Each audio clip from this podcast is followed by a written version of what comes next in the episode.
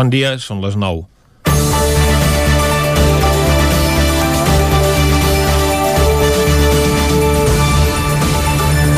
Aprofitant l'activitat que hi ha aquests dies en el marc de la Diputació Permanent al Parlament, ahir es va dur a terme una reunió entre diferents formacions en què es va començar a avançar per aïllar el discurs racista i xenòfob de la cambra arran de l'entrada de Vox amb 11 diputats. La proposta la va apuntar ja fa uns dies el Partit Socialista, que no ha pas tingut la mateixa sensibilitat al Congrés dels Diputats. Però aquí la campanya va estar enverinada pel compromís adquirit per Vox de permetre la investidura de Salvador Illa si d'ells depenia desbancar l'independentisme de la presidència. I a partir de llavors se'l va acusar d'acceptar els vots a l'extrema dreta que ara no necessita per res perquè els números no li surten. A aquest cordó sanitari s'hi han afegit els partits de més tradició demòcrata i catalanista, Esquerra Republicana, Junts per Catalunya, la CUP i en Comú Podem, que es podrien posar d'acord a vetar a Vox de la mesa del Parlament en una de les places que li correspondria com a quarta força més votada. L'acord també establiria evitar interpel·lacions amb aquesta formació per no donar-li peu a desplegar la seva diatriba ultradretana.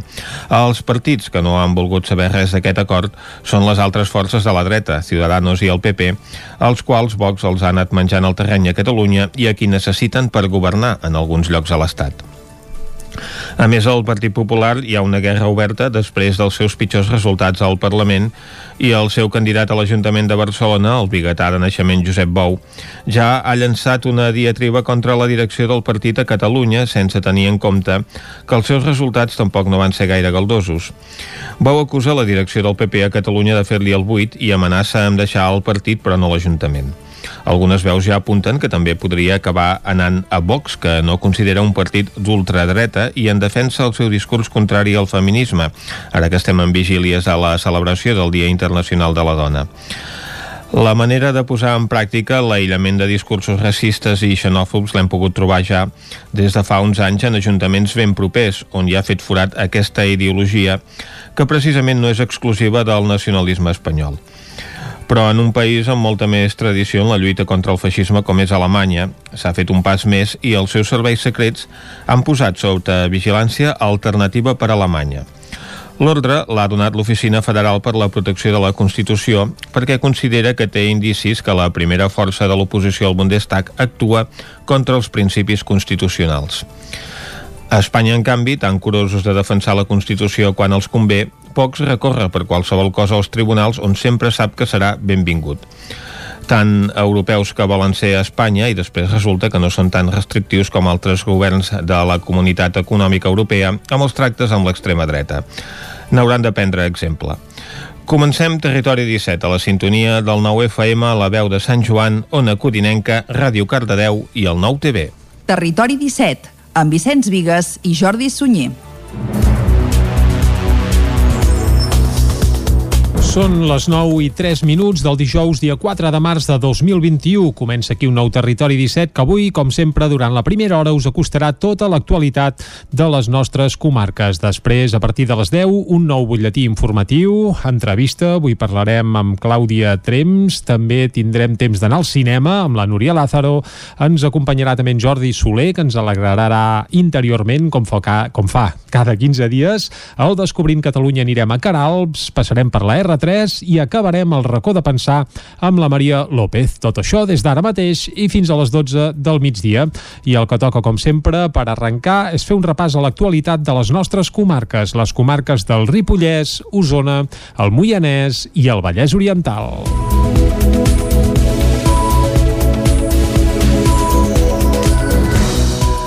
Tercera setmana consecutiva de millora als hospitals usonencs en relació a la pandèmia de Covid-19. El nombre total de persones ingressades ha baixat en 5 persones més i s'ha passat de 56 a 51. El descens d'ingressats s'ha produït principalment a l'Hospital de la Santa Creu, que ha passat de 12 pacients a 5. A l'Hospital Universitari de Vic hi ha 45 persones ingressades, una més que la setmana passada.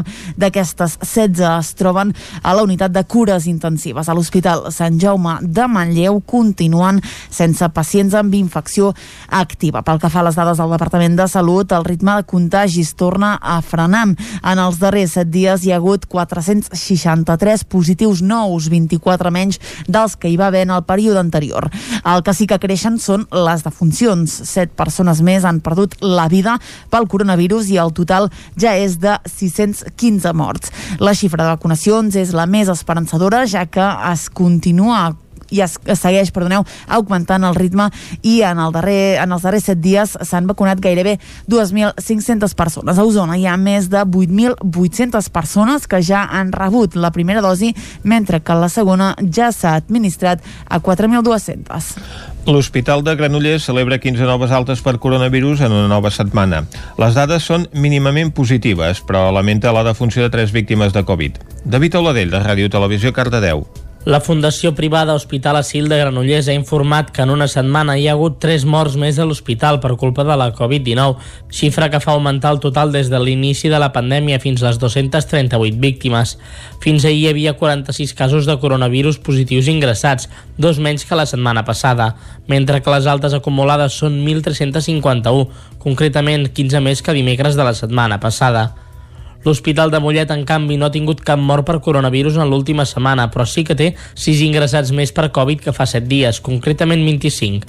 El centre es manté l'espai Covid a una única unitat d'hospitalització i, per tant, s'accepten les visites d'hospitalització en horaris específics. Pel que fa a l'Hospital de Sant Celoni, el més petit de la comarca, ha sumat aquesta setmana dues defuncions per Covid, però té menys ingressats, actualment només 5. Fa una setmana havien arribat els 13 pacients Covid ingressats, a Sant Celoni també es permet l'entrada d'acompanyants a hospitalització, però només un únic per cada pacient.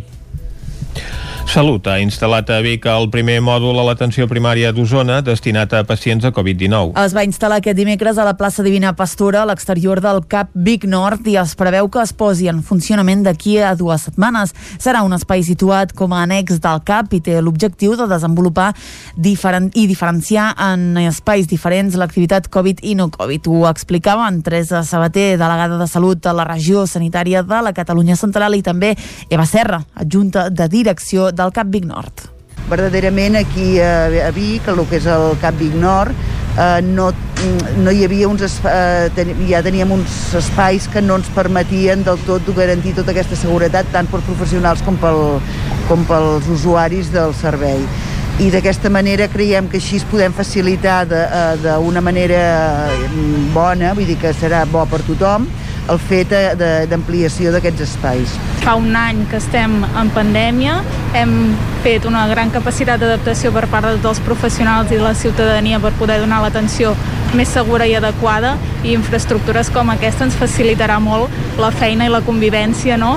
i amb la finalitat que realment puguem donar una atenció eh, al ciutadà adequada i sobretot segura eh, en el moment que faci falta. El desplegament de mòduls s'enmarca en el pla d'enfortiment i transformació de l'atenció primària. Es vol millorar l'accessibilitat i els processos, així com oferir més espai i confort a la ciutadania. Anna R.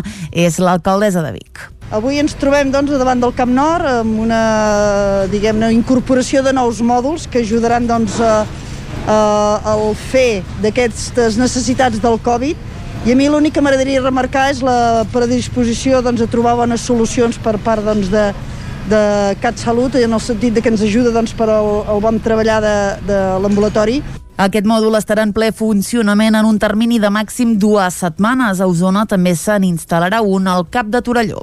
Manlleu llogarà l'antiga fonda de Can Xeran per facilitar l'aïllament de persones positives de coronavirus. Una partida pròpia de 25.000 euros i la col·laboració de la Caixa permetrà a l'Ajuntament de Manlleu llogar l'antiga fonda de Can Xeran, un equipament situat al carrer Vendrell que l'estiu del 2017 va quedar desocupat i que ara servirà per donar resposta a persones amb Covid-19 que no poden complir l'aïllament correctament a casa seva. També servirà, però, per resoldre altres situacions d'emergència social. Àlex Garrido és l'alcalde de Manlleu eh, ja siguin de la nostra ciutat o siguin de, de poblacions veïnes. Mm, estic parlant, per exemple, d'això, no? de casos de Covid que no poden fer Uh, no poden estar els 14 dies o 10 dies uh, de quarantena a casa seva eh, per manca d'espai de, o de possibilitats però també ens trobem en casos de, de violència de gènere malauradament aquesta violència de gènere es produeix més sovint del que voldríem o del que desitjaríem i eh, sempre necessitem algun espai per eh, allotjar aquestes persones víctimes d'aquesta violència. Per tant, aquí també ens donaria aquesta possibilitat. L'edifici disposa d'una quinzena d'habitacions dobles. El proper pas és definir un mapa d'usos de l'equipament i acabar de tancar serrells a punt de signar el conveni amb la, amb la propietat eh, que ens lliga doncs, durant un període llarg de temps eh, pagarem el, el lloguer pertinent i eh, entenem que ho podríem posar en marxa a finals de, del mes d'abril. L'Ajuntament no haurà de fer obres a l'equipament que també disposa de menjadors, espais que permetran fer-hi els àpats a les persones que s'hi allotgin. Els orígens de Can Xaran es remunten a l'any 1886.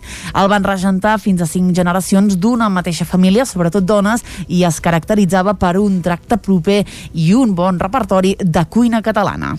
Els Mossos troben 3 quilos de xix a Coll d'Ares en un cotxe abandonat per un home que es va escapar de fins a 3 controls policials.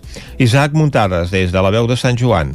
Durant la matinada del passat dilluns a dimarts, agents de la policia local de Ripoll van aturar un vehicle amb matrícula francesa al carrer Progrés de Ripoll en direcció a Olot durant un control de mobilitat durant el toc de queda. El conductor es va saltar el control i la policia local va avisar els Mossos d'Esquadra que l'esperaven en un altre control a l'altura de Sant Joan de les Abadeses, però quan li van fer senyals perquè aturés el vehicle va continuar cap a la comarca de la Garrotja. La policia catalana va activar diverses patrulles per perseguir-lo i un cop va entrar-hi s'hi va trobar un tercer control de Mossos de la comissaria d'Olot. Lluny de rendir-se, el conductor va fer un canvi de sentit a la carretera quan els va veure i va girar cua de nou cap al Ripollès. Els Mossos el van perseguir per la C38 i el van acabar interceptant a Coll d'Ares, al terme municipal de Molló. Això sí, el conductor va poder fugir abans de deixar el seu cotxe abandonat en una benzinera a la carretera. Els Mossos van veure com fugia corrents, però no el van poder atrapar. Tot seguit van registrar el vehicle i van trobar-hi 3 quilos de haixís. La investigació continua oberta per esclarir els fets, encara sense haver pogut detenir el fugitiu.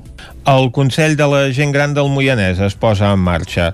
L'òrgan neix amb la voluntat de donar resposta a les necessitats de la gent gran, un sector que representa el 19% de la població. Caral Campàs, des d'Ona Codinenca. La idea es va començar a gestar amb la creació de la pròpia comarca quan des del Consell Comarcal del Moianès va aparèixer la necessitat de generar propostes per un envelliment actiu de la població. Tot i això no va ser fins l'any 2019 quan a partir d'una trobada de casals de gent gran es va detectar la necessitat de facilitar aquest espai on poder fer pinya i compartir les seves propostes. Ara ja fa un any que un grup de persones grans del Moianès s'està reunint per donar forma i marcar les línies generals del Consell. Segons han informat en una carta de presentació, l'entitat ha de ser un espai oficial de consulta, representació i decisió de les persones grans. També han donat a conèixer diversos objectius, com fer visible el col·lectiu, sensibilitzar la resta de la població i millorar les condicions de vida d'aquest sector de la població. Finalment, les decisions es prendran a partir d'una assemblea general que recollirà els vots de cada poble per tal de garantir que des de cada poble del Moianès la gent gran faci sentir la seva veu. Paral·lelament hi haurà grups de treball per temàtiques que aprofundiran específicament en els àmbits que hagi determinat l'Assemblea prèviament. La calçotada popular de Sant Vicenç de Torelló, que diumenge arribava a l'edició número 33, va servir gairebé 4.000 calçots repartits en 350 racions. Pràcticament, pràcticament 4.000 calçots, tots cultivats al mateix municipi. Són els que es van coure diumenge a Sant Vicenç de Torelló en la 33a edició de la calçotada popular. Com és habitual, qui es va encarregar de preparar-la va ser Miquel Bujons, de l'Horta de Sant Vicenç, que fa 8 anys va substituir l'històric Joan Martínez de Valls, que ho feia fins fins llavors. A l'Horta de Sant Vicenç couen calçots cada cap de setmana des del pont de la Puríssima i fins a Setmana Santa. Miquel Bujons. Darrere del carrer Llarda tenim l'horta, que cultivem enciam, calçots, bueno, producte de temporada és el que cultivem, bàsicament. I ara toca la temporada dels calçots, que fins Setmana Santa tindrem els calçots. El calçot de Valls és molt bo, el calibrem molt bé, està molt bé. Nosaltres no el calibrem ben bé tan bé, però tenim un calçot molt bo perquè aquí fa fred, és una zona que fa fred i el calçot amb les glaçades agafa dolçor. I és el bo que tenim aquí pel calçot. La calçotada de Sant Vicenç es va mantenir amb racions només per endur a causa de la pandèmia, però mantenint la demanda de cada any. Se'n van servir unes 350 racions. Anna Solà és la regidora de Cultura de l'Ajuntament de Sant Vicenç de Torelló. Sí que hi han hagut diferències a causa del Covid, que abans mm, hi havia l'actuació de la coral jove lluriana i el passat de gegants i també es muntaven unes taules perquè qui volgués o recollia els calçots i s'anava a casa o els menjaven aquí al mercat mateix. Aquest any això no s'ha pogut fer així, però les reaccions i la resposta de la gent ha estat igual perquè s'han vengut totes les reaccions. Coincidint amb la calçotada, sí que es va fer una capta de sang solidari que va cobrir el límit de 64 participants amb cita prèvia.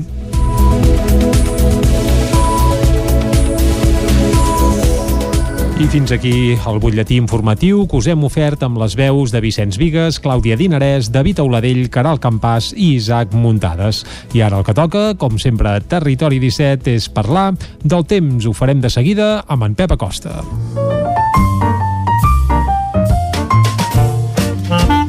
Casa Terradellos us ofereix el temps. Un Pep Acosta, a qui saludem ara mateix. Molt bon dia, Pep.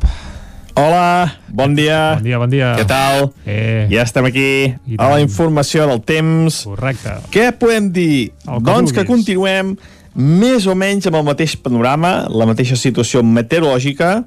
Uh, tenim una gran quantitat encara de pols en suspensió, de pols que prové del desert del Sàhara, Mhm. aquest enorme desert que tenim molt, molt a prop nostre, Uh, I és que mm, hi ha, hi ha un avís per, per contaminació, tenim molta contaminació, de fet de partícules PM10, que es diu, són les partícules líquides o sòlides que, que estan a l'atmosfera de, de vegades, i, i, i són sempre, però aquest cop superen la quantitat, eh, el llindar que, que la Unió Europea eh, té. Hi ha un llindar que quan es supera eh, pot provocar efectes a la població. Es recomana fer una mica menys d'esport i, i, els, i la gent més gran i la gent més jove eh, que vagi una mica protegida.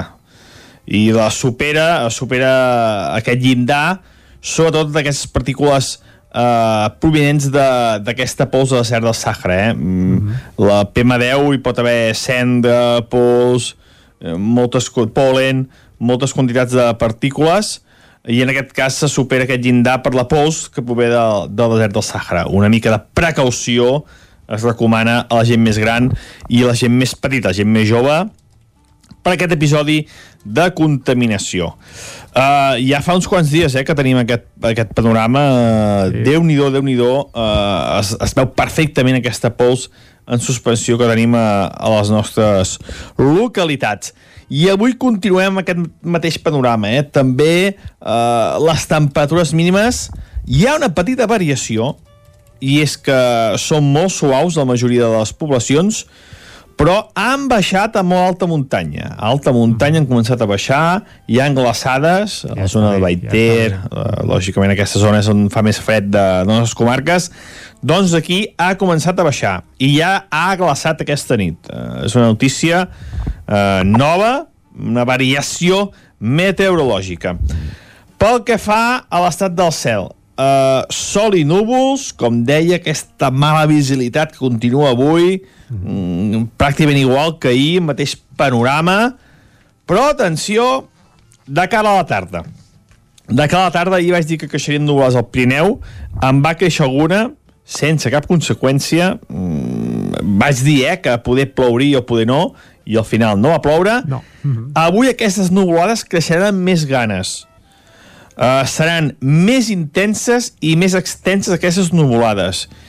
I jo crec que sí, que aquesta tarda ja sí, tindrem les primeres tempestes de primavera. Yep. Uh, sobretot a la zona del Pirineu, eh? Uh, una altra vegada més, Ull de Ter, uh, Ripollès, el Ripollès on plourà, jo crec que aquesta tarda, les típiques tempestes ja de primavera, la cota de neu, 1.800, 2.000 metres. Les temperatures màximes seran molt semblants a les d'ahir, potser una mica més baixes. Ahir vam tenir màximes de 18 graus a Parets, eh, 15 a Ripoll, 15 a Vic. Avui seran molt semblants a les d'ahir, potser, potser un o dos graus més baixes. I és que comença a entrar una mica d'aire diferent. Aquesta, eh, aquesta injecció d'aire de sud i de sud-est es va acabant i entrarà una mica més d'aire de nord. Eh, però bueno, encara no, no està ben, uh, ben, ben configurada la situació i no sabem ben bé el que passarà. Però sí que hi ha una mica de, de canvis i que seran més importants aquests canvis a partir de demà. I això és tot. Moltes gràcies i fins demà. Vinga, Adéu. gràcies a tu, Pep, i ens quedem amb això, eh? Aquesta tarda, possibilitat de primeres tempestes d'estiu de, de l'any, evidentment. Bé, d'estiu, de primavera. tampoc. De primavera, de primavera. I encara som a l'hivern, encara li Sí, queden 15 no, no, dies i fins al dia 21 de març se suposa que estem capbussats a l'hivern, però està pràcticament tot florit i brotant, per tant, és això, que la primavera a la cantonada i amb tempestes i tot, ens augura el Pep. Doncs va, amb tempestes o sense, el que farem ara és anar cap al quiosc, no? Exacte. Vinga. Casa Tarradellas us ha ofert aquest espai. Territori 17. Envia'ns les teves notes de veu per WhatsApp al 646 079 023. 646 079 023. WhatsApp Territori 17.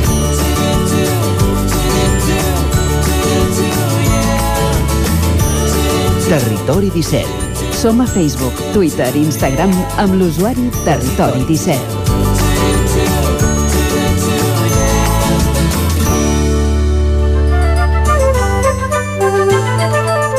Com us dèiem, és l'hora d'anar cap al quiosc i veure què treuen en portada els diaris d'avui. Clàudia. Molt bon dia de nou. Comencem, com sempre, amb el punt avui que diu en defensa pròpia. Esquerra, Junts per Catalunya i la CUP acorden una resolució en defensa de la sobirania del Parlament. Reiteren el compromís de garantir el dret a debatre l'autodeterminació i la monarquia. A la imatge, solidaritat amb els síndics electorals de l'1 d'octubre i nou escàndol monàrquic per les vacunes reials. Les infantes Helena i Cristina diuen alerta que els ho van oferir i que van acceptar ser vacunades. Anem al diari Ara que diu Catalunya seguirà tancada durant la Setmana Santa. El Ministeri també defensa la prohibició general de la mobilitat entre comunitats autònomes. A la imatge, el doble càstig diu als síndics electorals de l'1 d'octubre. I aquí ja trobem el que podríem dir és el clar protagonista de les portades d'aquest dijous, que és Villarejo, que surt en llibertat provisional després de 3 anys i mig de presó. A partir d'ara, doncs, el anirem veient a les properes portades. A l'ara, en esports, el Barça jugarà la final de la Copa després d'una remuntada èpica. De fet, amb aquest titular saltem al periòdico eh, que diu no era impossible. El Barça remunta al Sevilla 3 a 0 i es fica a la final de la Copa. A més titulars del periòdico, el govern es planteja repartir les ajudes directes per autonomies i Bartomeu, tornem al Barça, va utilitzar empreses pantalla per camuflar pagaments. Anem avançant, anem a l'avantguàrdia que diu Europa estimula els estats a gastar més fins al 2023. La comissió vol mantenir suspeses les normes fiscals mentre l'economia estigui per sota del nivell previ a la pandèmia. A la imatge, el Barça aconsegueix una remuntada heroica, malestar a l'executiu per la poca exemplaritat de Joan Carles I i de les seves filles, que com veiem doncs, ja estan vacunades. Aquí també veiem a l'excomissari Villarejo que diu surt de la presó. Anem a veure de què parlen els diaris de Madrid. Parlen eh, bàsicament de Villarejo, avanço ja que el veiem eh, en absolutament totes les eh, fotografies de les portades de Madrid. Tenim una per una, comencem per el país que diu la Unió Europea insta a Espanya a tallar l'ocupació pública temporal. Sanitat planteja tancar totes les autonomies per Setmana Santa i anem directe a la imatge. I veiem a Villarejo, diu han decidit fer catarsis a Espanya jo encantat. El comissari jubilat, José Manuel Villarejo, abandona la presó entre amenaces. Anem al Mundo que diu la llei de Sánchez atempta contra la norma europea pels fons. Hisenda, canviem de tema, demana a Joan Carles I les factures de la seva última regularització i anem ja a la imatge, a la imatge de Villarejo, diu la justícia deixa lliure Villarejo al ser incapaç de jutjar-lo en 4 anys. L'excomissari, que afronta un segle de presó, inicia el show, així mateix ho diuen al Mundo diu la cloaca no genera merda sinó que la neteja. Són eh, doncs declaració de l'excomissari.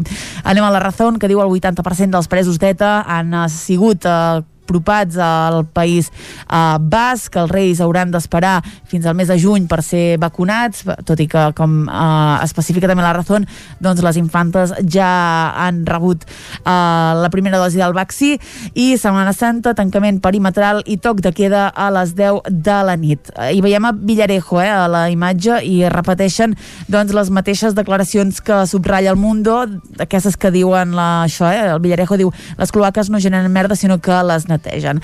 Acabem a l'ABC que diu el govern cedirà el control a les presons basques al mes d'abril, Vitoria podrà donar beneficis i permisos als terroristes així ho diu l'ABC, eh, com també la Generalitat eh, podrà doncs, eh, donar beneficis als presos de l'1 d'octubre. A la imatge hi veiem a Villarejo, diu 3 anys i 4 mesos després, Villarejo segueix amb el seu joc el comissari doncs, que ha sortit de, de la presó preventiva, protagonista absolut de les portades de Madrid en la seva sortida de la presó, acompanyat de la Guàrdia Civil en la majoria d'aquestes imatges que veiem avui als eh, diaris de Madrid però avui també és un dia, Jordi, per repassar les portades dels diaris esportius, després de la remuntada del Barça i que l'ha portat a la final de la Copa del Reis. I tant, i, i tant que val la pena, fem-ho, fem-ho, també. Doncs mira, els diaris catalans eh, obren portada amb una sola paraula cadascun d'ells, èpic, el Mundo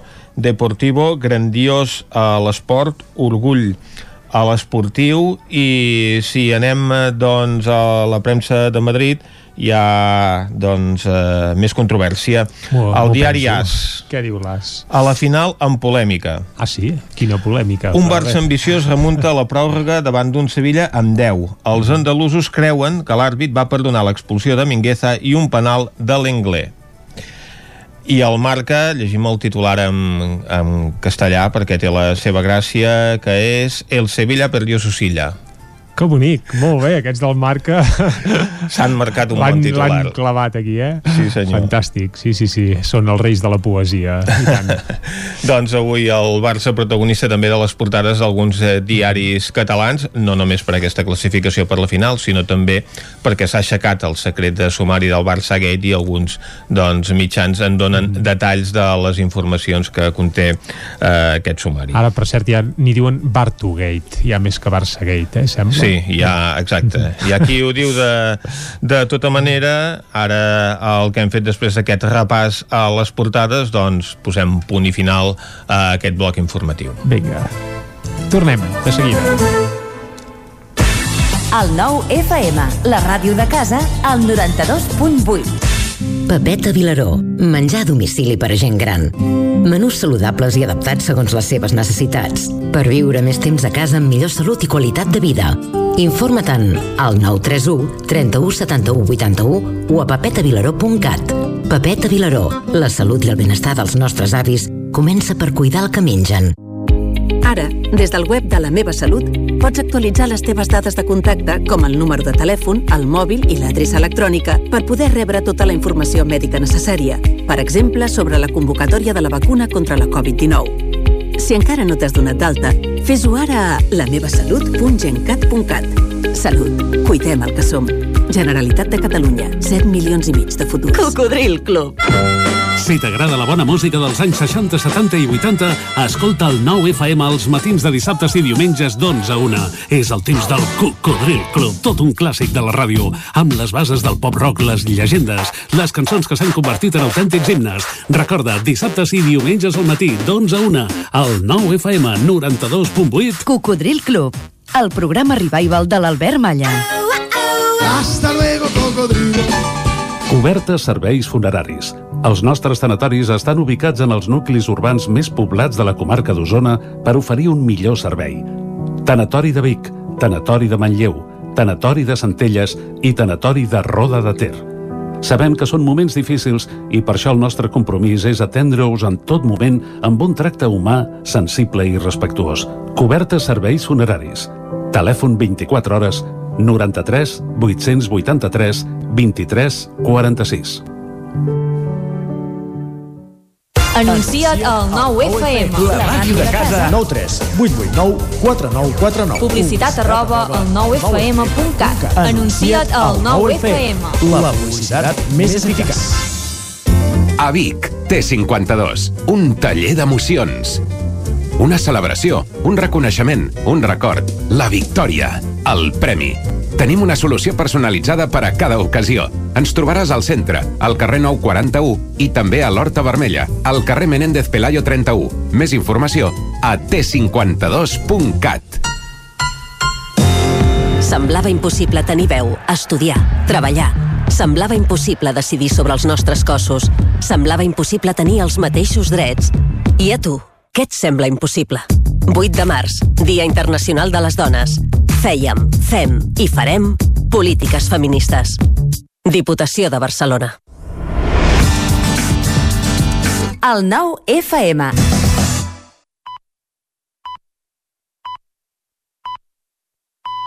Territori 17, amb Vicenç Vigues i Jordi Sunyer.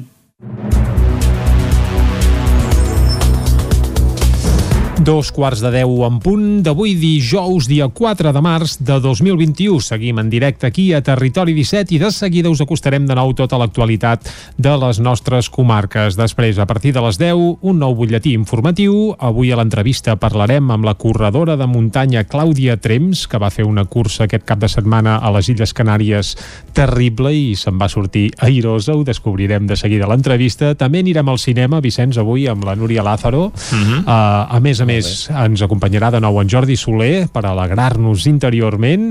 Anirem d'excursió cap a Caralps, el Descobrint Catalunya, i com que és dijous, avui acabarem amb el racó de pensar amb la Maria López. Ara, però, el que toca és acostar-vos de nou tota l'actualitat de les nostres comarques. Ja ho sabeu, les comarques del Ripollès, Osona, el Moianès i el Vallès Oriental.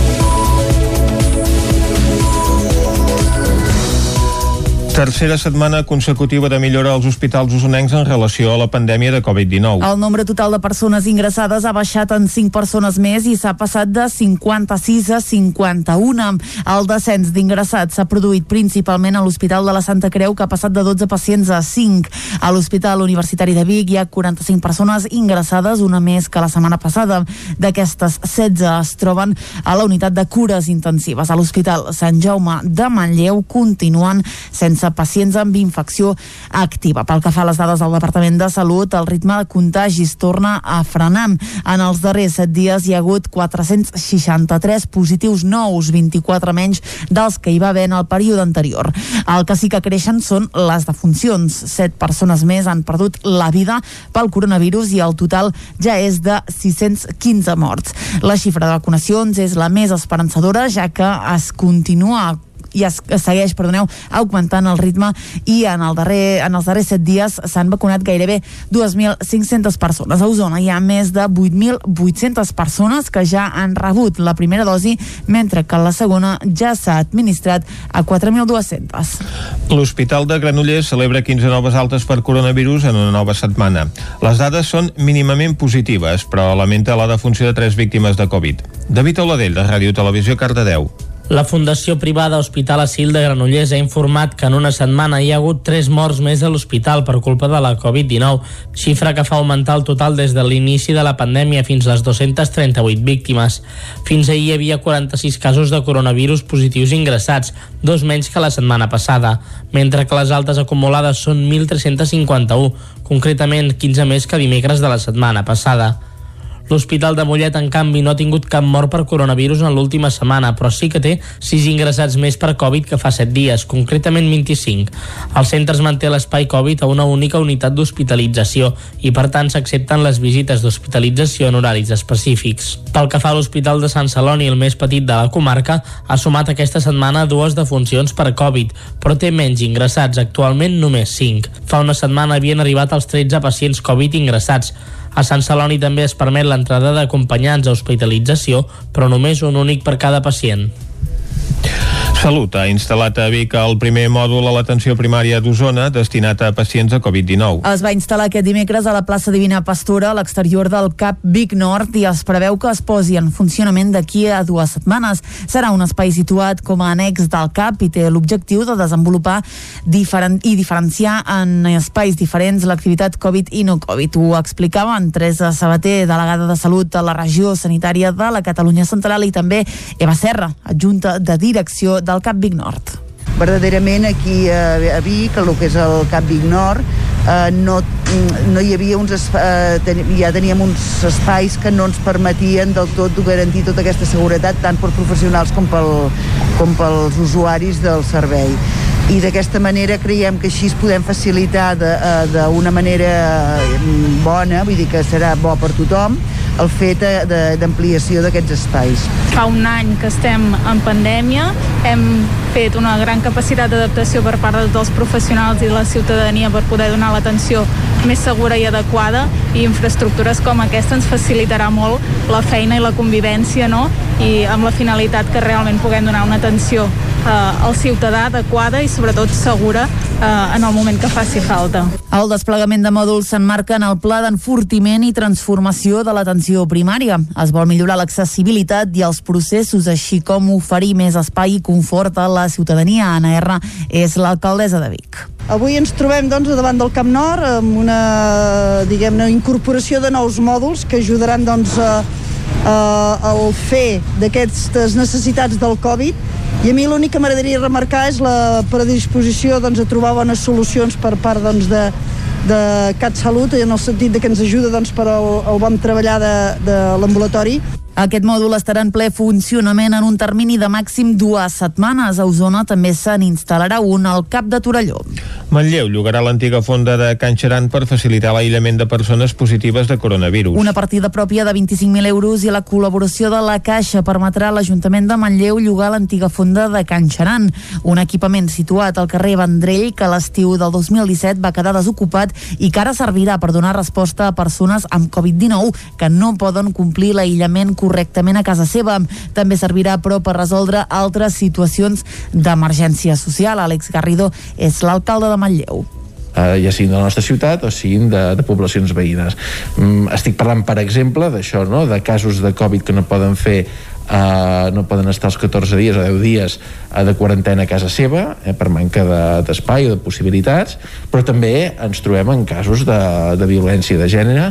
Malauradament aquesta violència de gènere es produeix més sovint del que voldríem o del que desitjaríem i eh, sempre necessitem algun espai per eh, allotjar aquestes persones víctimes d'aquesta violència. Per tant, aquí també ens donaria aquesta possibilitat. L'edifici disposa d'una quinzena d'habitacions dobles. El proper pas és definir un mapa d'usos de l'equipament i acabar de tancar serrells a punt de signar el conveni amb la, amb la propietat eh, que ens lliga doncs, durant un període llarg de temps eh, pagarem el, el lloguer pertinent i eh, entenem que ho podríem posar en marxa a finals de, del mes d'abril. L'Ajuntament no haurà de fer obres a l'equipament que també disposa de menjadors, espais que permetran fer-hi els àpats a les persones que s'hi allotgin. Els orígens de Can Xaran es remunten a l'any 1886. El van regentar fins a cinc generacions d'una mateixa família, sobretot dones, i es caracteritzava per un tracte proper i un bon repertori de cuina catalana. Els Mossos troben 3 quilos de xix a Coll d'Ares en un cotxe abandonat per un home que es va escapar de fins a 3 controls policials. Isaac Muntades, des de la veu de Sant Joan. Durant la matinada del passat dilluns a dimarts, agents de la policia local de Ripoll van aturar un vehicle amb matrícula francesa al carrer Progrés de Ripoll en direcció a Olot durant un control de mobilitat durant el toc de queda. El conductor es va saltar el control i la policia local va avisar els Mossos d'Esquadra que l'esperaven en un altre control a l'altura de Sant Joan de les Abadeses, però quan li van fer senyals perquè aturés el vehicle va continuar cap a la comarca de la Garrotja. La policia catalana va activar diverses patrulles per perseguir-lo i un cop va entrar-hi s'hi va trobar un tercer control de Mossos de la comissaria d'Olot. Lluny de rendir-se, el conductor va fer un canvi de sentit a la carretera quan els va veure i va girar cua de nou cap al Ripollès. Els Mossos el van perseguir per la C38 i el van acabar interceptant a Coll d'Ares, al terme municipal de Molló. Això sí, el conductor va poder fugir abans de deixar el seu cotxe abandonat en una benzinera a tocar de la carretera. Els Mossos van veure com fugia corrents, però no el van poder atrapar. Tot seguit van registrar el vehicle i van trobar-hi 3 quilos de haixís. La investigació continua oberta per esclarir els fets, encara sense haver pogut detenir el fugitiu. El Consell de la Gent Gran del Moianès es posa en marxa.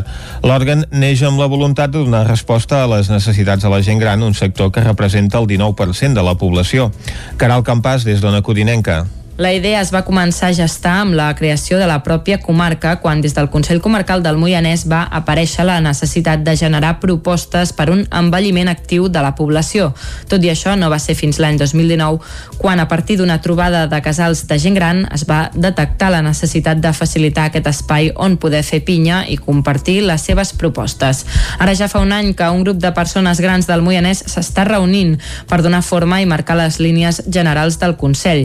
Segons han informat en una carta de presentació, l'entitat ha de ser un espai oficial de consulta, representació i decisió de les persones grans. També han donat a conèixer diversos objectius com fer visible el col·lectiu, sensibilitzar la resta de la població i millorar les condicions de vida d'aquest sector de la població.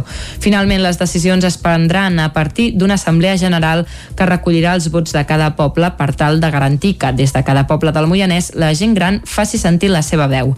Paral·lelament hi haurà grups de treball per temàtiques que aprofundiran específicament en els àmbits que hagi determinat l'Assemblea prèviament. La calçotada popular de Sant Vicenç de Torelló, que diumenge arribava a l'edició número 33, va servir gairebé 4.000 calçots repartits en 350 racions. Pràcticament, pràcticament 4.000 calçots, tots cultivats al mateix municipi. Són els que es van coure diumenge a Sant Vicenç de Torelló en la 33a edició de la calçotada popular. Com és habitual, qui es va encarregar de preparar-la va ser Miquel Bujons, de l'Horta de Sant Vicenç, que fa 8 anys va substituir l'històric Joan Martínez de Valls, que ho feia fins llavors. A l'Horta de Sant Vicenç couen calçots cada cap de setmana des del pont de la Puríssima i fins a Setmana Santa. Miquel Bujons.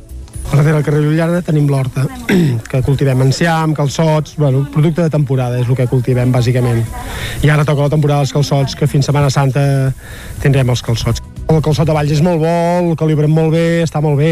Nosaltres no el calibrem ben bé tan bé, però tenim un calçot molt bo perquè aquí fa fred, és una zona que fa fred i el calçot amb les glaçades agafa dolçor i és el bo que tenim aquí pel calçot. La calçotada de Sant Vicenç es va mantenir amb racions només per endur a causa de la pandèmia, però mantenint la demanda de cada any. Se'n van servir unes 350 racions. Anna Solà és la regidora de Cultura de l'Ajuntament de Sant Vicenç de Torelló. Sí que hi han hagut diferències a causa del Covid, que abans mm, hi havia l'actuació de la coral jove lluriana i el passat de gegants, i també es muntaven unes taules perquè qui volgués o recollia els calçots i s'anava a casa o els menjaven aquí al mercat mateix. Aquest any això no s'ha pogut fer així, però les reaccions i la resposta de la gent ha estat igual perquè s'han vengut totes les reaccions. Coincidint amb la calçotada, sí que es va fer una capta de sang solidari que va cobrir el límit de 64 participants amb cita prèvia.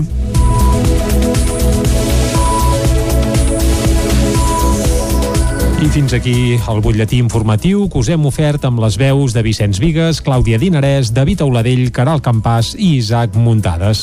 I ara el que toca, com sempre a Territori 17, és parlar del temps. Ho farem de seguida amb en Pep Acosta.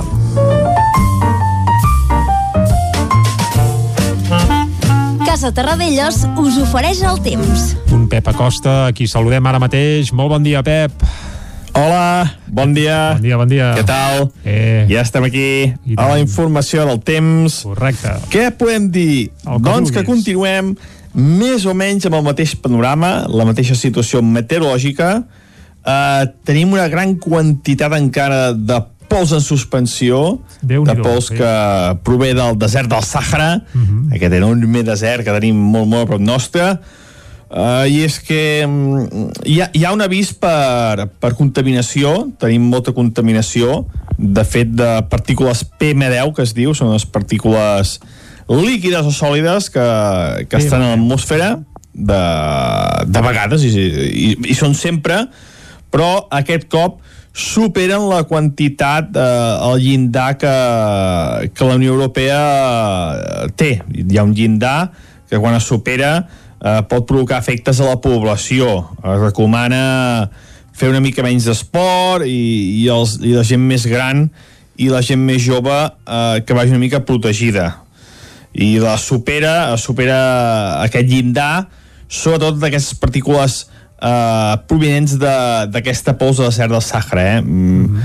la PM10 hi pot haver cendra, pols eh, moltes polen moltes quantitats de partícules i en aquest cas se supera aquest llindar per la pols que prové del, del desert del Sàhara. Una mica de precaució es recomana a la gent més gran i a la gent més petita, la gent més jove, per aquest episodi de contaminació.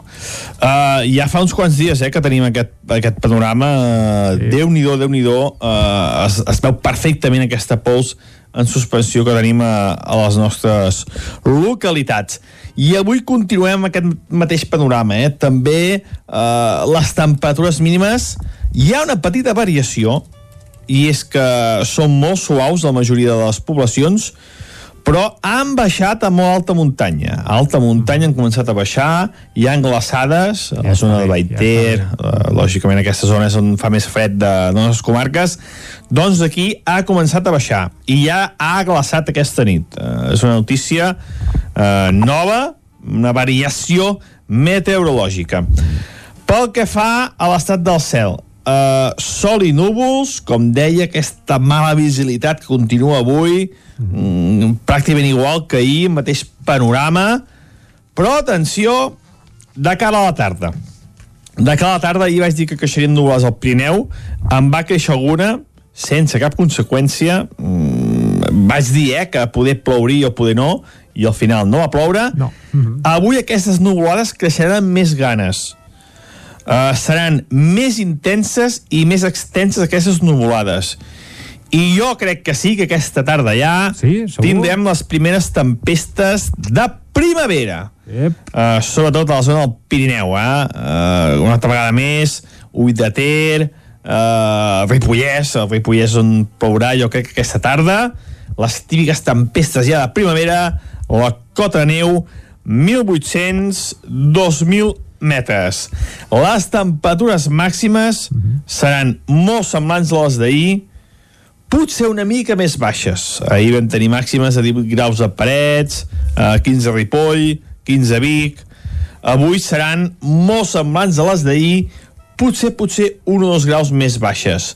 I és que comença a entrar una mica d'aire diferent. Aquesta, aquesta injecció d'aire de sud i de sud-est es va acabant i entrarà una mica més d'aire de nord. Eh, però bueno, encara no, no està ben eh, ben, ben configurada la situació uh -huh. i no sabem ben bé el que passarà però sí que hi ha una mica de, de canvis i que seran més importants aquests canvis a partir de demà i això és tot. Moltes gràcies i fins demà. Vinga, Adéu. Gràcies a tu, Pep, i ens quedem amb això, eh? Aquesta tarda, possibilitat de primeres tempestes d'estiu de, de l'any, evidentment. Bé, d'estiu, de primavera. De primavera, de primavera.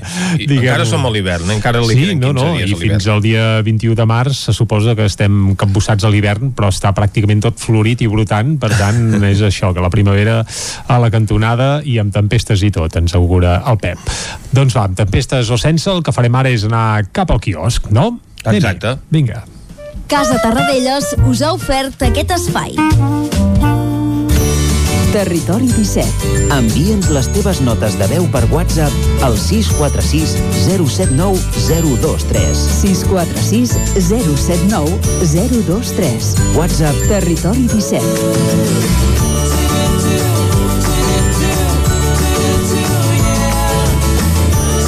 Territori 17.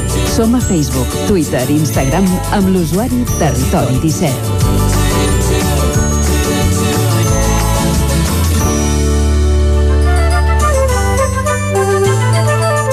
Com us dèiem, és l'hora d'anar cap al quiosc i veure què treuen en portada els diaris d'avui. Clàudia. Molt bon dia de nou. Comencem, com sempre, amb el punt avui que diu en defensa pròpia. Esquerra, Junts per Catalunya i la CUP acorden una resolució en defensa de la sobirania del Parlament. Reiteren el compromís de garantir el dret a debatre l'autodeterminació i la monarquia. A la imatge, solidaritat amb els síndics electorals de l'1 d'octubre i nou escàndol monàrquic per les vacunes reials. Les infantes Helena i Cristina diuen alerta que els ho van oferir i que van acceptar ser vacunades.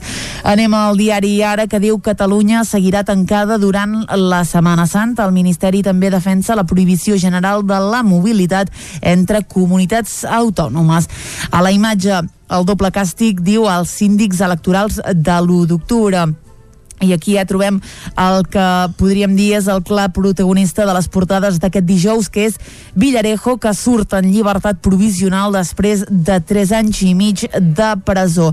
A partir d'ara, doncs, el anirem veient a les properes portades. A l'ara, en esports, el Barça jugarà la final de la Copa després d'una remuntada èpica. De fet, amb aquest titular saltem al periòdico eh, que diu no era impossible. El Barça remunta al Sevilla 3 a 0 i es fica a la final de la Copa. A més titulars del periòdico, el govern es planteja repartir les ajudes directes per autonomies i Bartomeu, tornem al Barça, va utilitzar empreses pantalla per camuflar pagaments. Anem avançant, anem a l'avantguàrdia que diu Europa estimula els estats a gastar més fins al 2023. La comissió vol mantenir suspeses les normes fiscals mentre l'economia estigui per sota del nivell previ a la pandèmia. A la imatge, el Barça aconsegueix una remuntada heroica, malestar a l'executiu per la poca exemplaritat de Joan Carles I i de les seves filles, que com veiem doncs, ja estan vacunades. Aquí també veiem a l'excomissari Villa Villarejo que diu surt de la presó. Anem a veure de què parlen els diaris de Madrid. Parlen uh, bàsicament de Villarejo, avanço ja que el veiem uh, en absolutament totes les uh, fotografies de les portades de Madrid. Tenim una per una, comencem pel el país que diu la Unió Europea insta a Espanya a tallar l'ocupació pública temporal. Sanitat planteja tancar totes les autonomies per Setmana Santa i anem directe a la imatge i veiem a Villarejo, diu han decidit fer catarsis a Espanya, jo encantat. El comissari jubilat, José Manuel Villarejo, abandona la presó entre amenaces. Anem al Mundo que diu la llei de Sánchez atempta contra la norma europea pels fons. Hisenda, canviem de tema, demana a Joan Carles I les factures de la seva última regularització i anem ja a la imatge, la imatge de Villarejo, diu la justícia deixa lliure Villarejo al ser incapaç de jutjar-lo en 4 anys. L'excomissari, que afronta un segle de presó, inicia el show, així mateix ho diuen al Mundo diu la cloaca no genera merda sinó que la neteja. Són eh, doncs declaració de l'excomissari. Anem a la raó que diu el 80% dels presos d'ETA han eh, sigut eh, apropats al país uh, basc. Els reis hauran d'esperar fins al mes de juny per ser vacunats, tot i que, com uh, especifica també la raó, doncs les infantes ja han rebut uh, la primera dosi del vaccí i Setmana Santa, tancament perimetral i toc de queda a les 10 de la nit. Uh, I veiem a Villarejo eh, a la imatge i repeteixen doncs, les mateixes declaracions que subratlla el Mundo, aquestes que diuen la, això, eh, el Villarejo diu les cloaques no generen merda sinó que les netegen.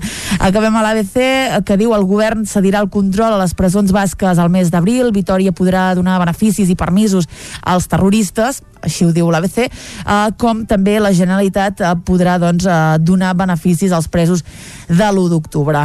A la imatge hi veiem a Villarejo, diu 3 anys i 4 mesos després, Villarejo segueix amb el seu joc el comissari doncs, que ha sortit de, de la presó preventiva, protagonista absolut de les portades de Madrid en la seva sortida de la presó, acompanyat de la Guàrdia Civil en la majoria d'aquestes imatges que veiem avui als eh, diaris de Madrid però avui també és un dia, Jordi, per repassar les portades dels diaris esportius, després de la remuntada del Barça i que l'ha portat a la final de la Copa del Reis. I tant, i, i tant que val la pena, fem-ho, fem-ho, també. Doncs mira, els diaris catalans eh, obren portada amb una sola paraula cadascun d'ells, èpic, el Mundo Deportivo, grandiós a l'esport, orgull a l'esportiu i si anem eh, doncs a la premsa de Madrid hi ha doncs eh, més controvèrsia.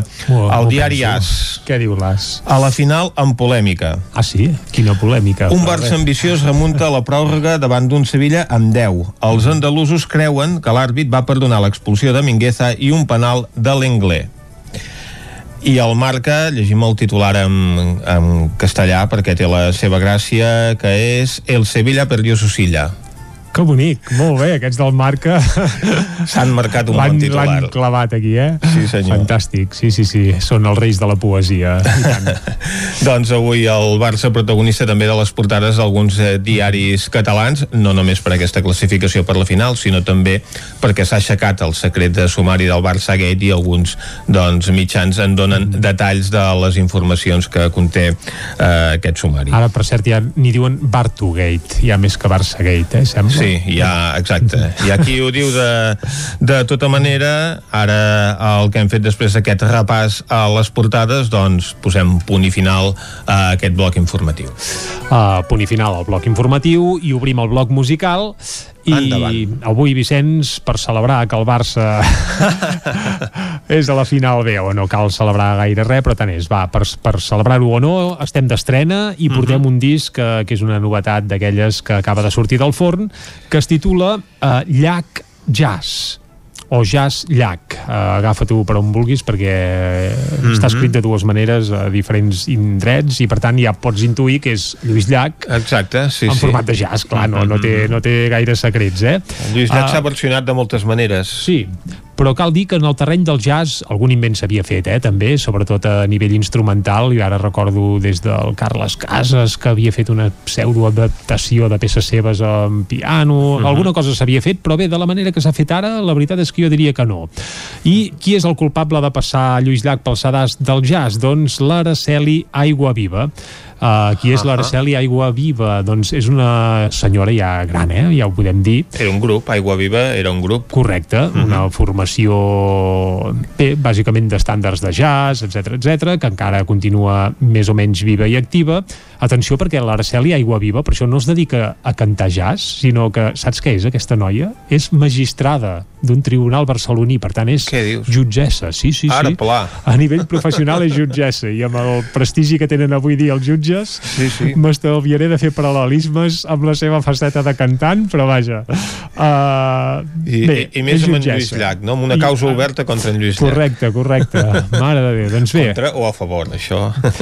Bueno, Ho com- deixem al gust Sí, uh, d'aquí una de- estona de tothom. escoltareu com, com canta i com fa sonar el disc i cadascú que valori uh, va, de fons ja l'estem escoltant eh? uh, cal dir que el disc uh, hi ha un total de 10 peces de Lluís Llach n'hi ha algunes que són conegudíssimes ha passat pel sedàs del jazz doncs El País Petit, Un núvol blanc Mar a Mar, La Gallineta uh, després d'altres potser no tan conegudes del repertori de Llach com La Lira, La Vella Winnie que sortia Mhm. el disc aquell uh, Geografia, Geografia. del cor, correcte i uh, aviam si endevines quina és la que ja sona de fons A veure. Para, parem bé l'orella no Clar, L'estaca, Ah, evidentment, aquesta ah, L'estaca no podia fallar i l'estaca és la cançó que tanca aquest uh, disc. Aquest disc es titula Jazz Llac, gravat per l'Araceli Aigua Viva i això sí, cal dir que s'ha envoltat de músics d'autèntic luxe, eh? perquè la formació Aigua Ahà. Viva en, està una mica, entre cometes, desfeta, però per gravar el disc se'n va anar cap al taller de músics de Barcelona i ha fitxat gent com el David Pastor la trompeta, un dels trompetistes, trompetistes, volem dir, més prestigiosos de l'escena dels països catalans. Hi ha l'Alejandro Di Costanzo al piano, el Curro Galvez al contrabaix, el Ramon Díaz a la bateria, eh, i bé, després el Yeray Hernández, que hi toca la guitarra i també s'ha encarregat de la producció musical i de part dels arranjaments. Per tant, és una feina feta per bé, per gent que en teoria en sap. I ara, si et sembla, eh, escoltem doncs. l'estaca en aquesta versió que apareix al Tot Jazz, un disc que acaba de sortir del forn, amb el grup Aigua Viva. Ho escoltem? Escoltem l'estaca en versió de jazz. Doncs vinga, amb això arribarem fins al punt de les 10, aquí, a Territori 17. La força se me'n va, ella és més àmplia i més gran. Ben cert sé que està podrida, però és que siset pesa tant que cops la força m'oblida. Torna'm a dir el teu cant. Si estirem tots, ella caurà i molt de temps no pot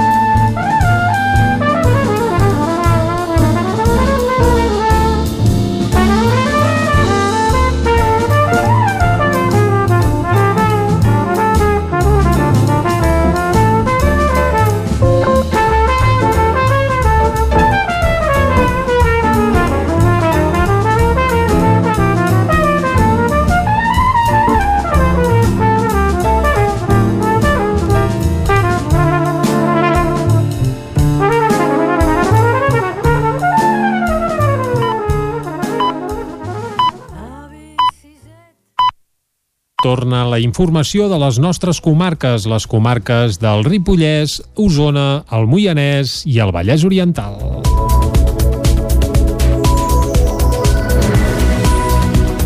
El Ministeri de Mobilitat invertirà 1,8 milions d'euros a la N260 a Sant Joan per millorar l'accés a Ugassa. Isaac Muntades des de la veu de Sant Joan. El subdelegat del govern espanyol a Girona, Albert Bramont, va visitar aquest dimarts el tram urbà de la Nacional 260 de Sant Joan de les Abadeses, on s'han fet les obres per arreglar els danys causats per l'esllavissada que va haver-hi a principis de novembre de l'any passat per culpa d'un episodi intens de pluges. D'aquí a unes tres setmanes s'iniciarà una segona fase dels treballs on es farà una actuació més ambiciosa per tal de millorar l'accés a la carretera que puja cap a Ugassa i que preveu que duri tot l'any 2021. Aquesta obra anirà a càrrec del Ministeri de Mobilitat, Transports i Agenda Urbana i tindrà un cost d'1,8 milions d'euros. L'alcalde Sant Joaní, Ramon Roquer va explicar que fa més de 4 anys que estan treballant amb l'Estat per tal de millorar aquesta cruïlla. Potser fa uns 6 anys, 6-4 anys, que veníem treballant amb el Ministeri per poder en algun dia resoldre aquesta cruïlla, que és un punt conflictiu, perquè estem parlant de la Nacional, en un lloc molt urbà del poble, on tenim precisament doncs, la pujada que també ens porta al poble veí d'Ugassa. Eh? Per tant, una cruïlla complicada, a més sense alternatives en quant a altres vies de trànsit. És veritat doncs, que l'esllavissada ens ha fet precipitar una mica tota aquesta obra de millora, que l'Estat ja la venia venia planificant però encara no teníem un termini clar. Aprofitant una mica la urgència i la necessitat de consolidar aquest espai, però a la vegada sent conscients de la millora que s'havia de fer, s'ha pogut intentar resoldre tot en, aquest, en el mateix moment. Abans que comencin les obres, l'alcalde va dir que s'està treballant en el desviament dels serveis afectats com el gas, la telefonia o les instal·lacions elèctriques i tot seguit es procedirà a l'enderroc dels dos edificis que hi ha a peu de carretera. L'Ajuntament va poder arribar a un acord de compra-venda amb els propietaris per no haver de fer una expropiació forçosa. En total, el consistori n'ha pagat 220.000 euros. Ja fa uns anys va comprar el magatzem per 60.000 euros i el 2019 va adquirir l'habitatge de Can Victu per 160.000 euros. A més, es va haver de modificar el POUM per passar d'un ús urbanístic residencial a un de viari i de zona verda. Un cop aterrat, el consistori cedirà l'espai al Ministeri perquè hi construeixi una glorieta per tal que els vehicles puguin fer un canvi de sentit. Aquesta s'ubicarà a la zona on hi ha ara els edificis. Bàsicament és una que permetrà un canvi de sentit una vegada hagis sortit de la carretera. Per tant, no seria una rotonda en si mateixa, però sí que una glorieta que permetrà canvi de sentit fora de la carretera. Eh? És important dir fora perquè, com bé explicava, els carrils no es veuen afectats en cap cas perquè hagin de donar la volta ni a cap glorieta ni a cap rotonda. Per tant, la carretera no tindrà cap tall. Estic parlant ja del resultat final i d'una obra un cop executada. Allà també hi haurà uns carrils d'acceleració i de desacceleració. Finalment, un 30% de l'espai on hi ha els edificis serà ocupat per una petita zona verda agradable per minimitzar l'impacte dels vehicles. Només fa una setmana que funciona la prova pilot de pas alternatiu al nucli de la Guixa de Vic, però continua generant controvèrsia i reaccions. El tema es va tornar a debatre al ple de dilluns a l'Ajuntament de Vic. La prova pilot de pas alternatiu a la guixa continua creant debat. El tema va protagonitzar els pregs i preguntes del ple de l'Ajuntament de Vic d'aquest dilluns. Els grups de l'oposició d'Esquerra i Capgirem Vic no van qüestionar la prova, però sí que van fer pregs a l'equip de govern per demanar que facin de mediadors per tractar el conflicte amb els veïns de Santa Eulàlia de Riu Primer i Muntanyola i alhora per demanar a Segalés i al Departament de Territori que s'augmenti la freqüència de la línia d'abusos que connecta Vic amb la Guixa, Santa Eulàlia i Muntanyola. La regidora de Mobilitat a l'Ajuntament de Vic, Fabiana Palmero, i l'alcaldessa de Vic van defensar que encara és molt aviat per treure'n conclusions. Les sentim a totes dues. Aquest semàfor eh, no dura ni un minut, de moment, eh, per tant, no sabem si funciona bé o no funciona bé, no som capaços de dir en menys d'una setmana com està funcionant això. No podem pensar a priori que perquè triguem un minut més eh, en arribar a Vic o, o de Vic cap a municipis veïns eh, tinguem un trasbals aquí a la Guixa. Jo crec que aquí els veïns doncs, de Santa Eulàlia i de Muntanyola s'han precipitat en la seva queixa, s'entén que qualsevol canvi evidentment porta un disgust, però ens semblava, i almenys aquest era l'acord que havien fet amb els alcaldes, de que deixaríem fer aquesta prova pilot, trauríem les mesures pertinents i a partir d'aquí en parlaríem conjuntament amb la Diputació quina és la millor iniciativa. Des de la plataforma de veïns i afectats que han creat des de Santa Eulàlia i Muntanyola, però no tenen tan clar que això sigui només una prova pilot. Pau Parés és membre de la plataforma no veiem gens eh, clara aquesta prova que s'ha fet d'aquesta manera sense explicar-nos res, ni avisar-nos, ni informar-nos de la solució que s'havia adoptat, ni quin termini tindrà aquesta prova. No es veu que sigui una prova que sigui gaire pilot o que sigui potser molt puntual. S'hi han gastat molts calés aquí, més de 60.000 euros, que no veiem pas que sigui una prova que, que es quedarà només amb uns dies de, i prou de prova, no? De moment, la tensió inicial amb intercanvi de botzines i llançament d'ous entre veïns s'ha aturat i s'haurà de veure com evoluciona. El saloní Josep Pagès va ser jutjat ahir pel jutjat penal 11 de Barcelona per formar part de la mesa de la sindicatura de l'1 d'octubre. David Oladell, de Ràdio Televisió, Cardedeu.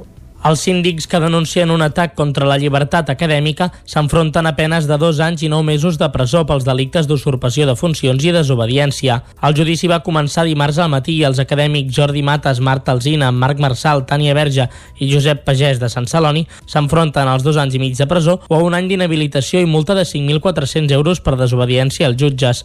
Tots tenen clar que tornarien a acceptar l'encàrrec del Parlament. La vista oral va començar dimarts a dos quarts de deu del matí i abans hi havia convocada una concentració de suport als cinc encausats a la ciutat de la justícia. El judici s'ha reprès avui amb la resta de testimonis per declarar i posteriorment quedarà vist per sentència. La policia local de Tona va detenir aquest dimecres un veí del municipi amb un ordre de detenció activa a causa d'un delicte de robatori amb violència i intimidació. Segons va poder saber el 9-9, es tracta d'un home amb antecedents que els últims mesos ja havia entrat a diversos establiments del poble. Els Mossos ja l'havien detingut a principis de febrer després que un testimoni avisés de forts cops i soroll de vidres trencats en una botiga. Quan la policia hi va arribar es va trobar la caixa enregistradora regirada i una tapa de claveguera al costat de la porta porta que l'autor hauria utilitzat per trencar el vidre. Els agents també van observar que a terra hi havia taques de sang. Amb aquests indicis van posar en marxa un dispositiu que va permetre detenir l'home amb talls a les cames. En el moment de l'arrest li van trobar a sobre diverses monedes i una llanterna. Caldes compta amb 270 contenidors nous de recollida selectiva. Els nous cubicles són més eficients a l'hora de facilitar la separació de residus. Caral Campàs, des d'Ona Codinenca. Ajuntament i Consorci de Residus del Vallès Oriental han subvencionat aquests 270 contenidors nous de paper, cartró i envasos. La substitució de contenidors suposa la retirada de 199 unitats desgastades. Els nous contenidors permetran mantenir l'entorn més net i faciliten un manteniment més eficient dels propis receptacles. Jaume Mauri és regidor d'Espais Públics. Amb, amb una volumetria més discreta que es que havien habitualment, són més nets perquè són d'obertura eh, superior i no, i no inferior. Això vol dir que és eh, molt més eficient la recollida, o sigui, ara hem, hem cronometrat i la recollida d'un contenidor doncs, està per sobre dels 40-45 segons i la mitja de la recollida dels eh, contenidors eh, antics era d'uns 3 minuts i escacs. Per tant, a nivell d'eficiència de recollida doncs eh, tenim eh, molta més eficiència i Uh, això vol dir que d'alguna manera hi ha menys temps de recollida i podem fer més freqüències de recollida. El temps de càrrega i descàrrega del contenidor també disminueix. D'aquesta manera es facilita la feina als operaris que s'encarreguen del buidatge de les deixalles. Albert Camps és president del Consorci per la gestió de residus del Vallès Oriental. Però a part és que abans l'operari havia de baixar del camió, carregar la, la pluma, això també era pel treballador, doncs també era, era un risc laboral, no? I ara en canvi totes aquestes operacions es poden fer des, de, des del camió sense baixar eh, a través de la càmera que porta. També hi ha menys soroll o sigui el fet de, que són molt més silenciosa que no pas arrossegar els contenidors metàl·lics eh, també hi ha més capacitat de recollida en els contenidors L'any 2020 el percentatge de recollida selectiva al municipi es va situar al 55%. D'aquesta manera, Caldes assoleix els objectius marcats per la Unió Europea. Alhora, però, es baten rècords de generació de deixalles, arribant als 529 quilos per habitant i any. Aquest fet contradiu els objectius de contenció de residus i d'acció contra el canvi climàtic que s'imposen a nivell mundial. La calçotada popular de Sant Vicenç de Torelló, que diumenge arribava a l'edició número 33, va servir gairebé 4.000 calçots repartits en 350 racions. Pràcticament 4.000 calçots, tots cultivats al mateix municipi, són els que es van coure diumenge a Sant Vicenç de Torelló en la 33a edició de la calçotada popular. Com és habitual, qui es va encarregar de preparar-la va ser Miquel Bujons, de l'Horta de Sant Vicenç, que fa 8 anys va substituir l'històric Joan Martínez de Valls, que ho havia fet fins llavors. A l'Horta de Sant Vicenç couen calçots cada cap de setmana des del pont de la Puríssima fins a Setmana Santa. Miquel Bujons. Darrere del carrer Llullada tenim l'horta, que cultivem enciam, calçots, bueno, producte de temporada és el que cultivem, bàsicament. I ara toca la temporada dels calçots, que fins Setmana Santa tindrem els calçots. El calçot de Valls és molt bo, el calibrem molt bé, està molt bé. Nosaltres no el calibrem ben bé tan bé, però tenim un calçot molt bo perquè aquí fa fred, és una zona que fa fred i el calçot amb les glaçades agafa dolçor. I és el bo que tenim aquí pel calçot. La calçotada de Sant Vicenç es va mantenir amb racions només per endur a causa de la pandèmia, però mantenint la demanda de cada any. Se'n van servir unes 350 racions. Anna Solà és la regidora de Cultura de l'Ajuntament de Sant Vicenç de Torelló.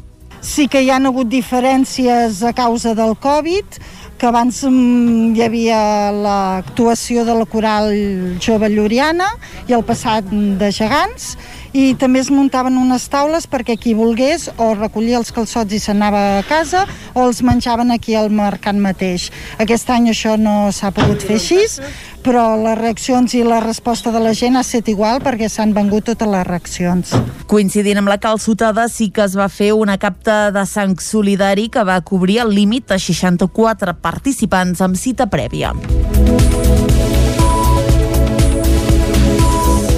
I fins aquí el butlletí informatiu de les 10 del matí que us hem ofert amb les veus de Vicenç Vigues, Clàudia Dinarès, David Auladell, Caral Campàs i Isaac Muntades. Ara el que farem és recordar la informació meteorològica per saber el temps que ens espera per a les properes hores i, per tant, saludarem de seguida altra vegada en Pep Acosta.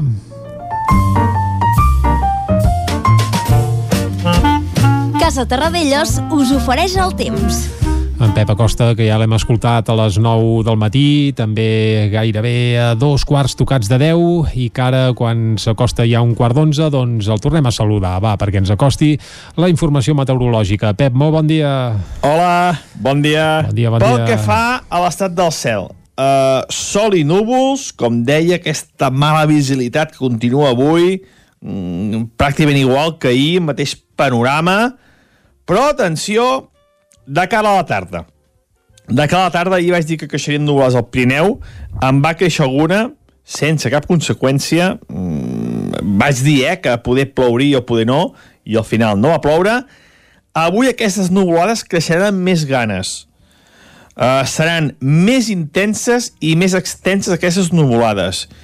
I jo crec que sí, que aquesta tarda ja sí? tindrem les primeres tempestes de primavera. Aviam. Uh, sobretot a la zona del Pirineu, eh? Uh, una altra vegada més, Ull de Ter, uh, Ripollès, el Ripollès on plourà jo crec que aquesta tarda, les típiques tempestes ja de primavera, la cota de neu, 1.800-2.000 metres. Bastant les bé. temperatures màximes seran molt semblants a les d'ahir, potser una mica més baixes. Ahir vam tenir màximes de 18 graus a Parets, eh, 15 a Ripoll, 15 a Vic.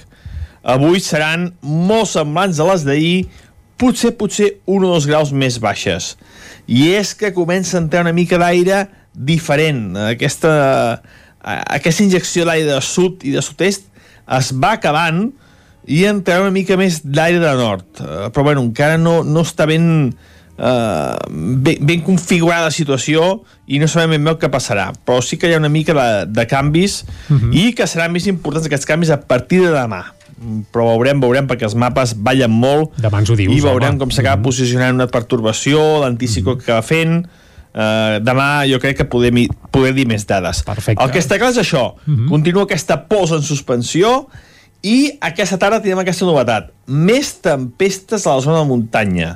A la zona del Pirineu sí que creixeran més les nuvolades i tindrem aquestes tempestes eh, típiques de primavera. Jo crec que seran d'intensitat eh, petita, no seran de gran intensitat, però sí que les tindrem. És una novetat que em fa il·lusió dir. I això és tot. Eh, Moltes gràcies i fins demà. Adéu. Vinga, doncs que bé que, que ho tanquem amb, amb Pep il·lusionat Amb avui, eh? Amb il·lusió, i tant que sí. Vicenç, il·lusió, però no per res. Il·lusió perquè venen tempestes. Uh Ahà. -huh. que té... Però clar, coses de meteoròlegs, evidentment. I tant de meteoròlegs, molta gent També, també, agradarà. també, home, i tant. I a més si serveix per fer escampar aquest fang, però bé, més que escampar, potser el que farà aquestes tempestes és acabar d'embrutir uh, cotxes i tenyir la neu de color marró, si s'escau. Exacte. Mm -hmm. Però és el que hi ha.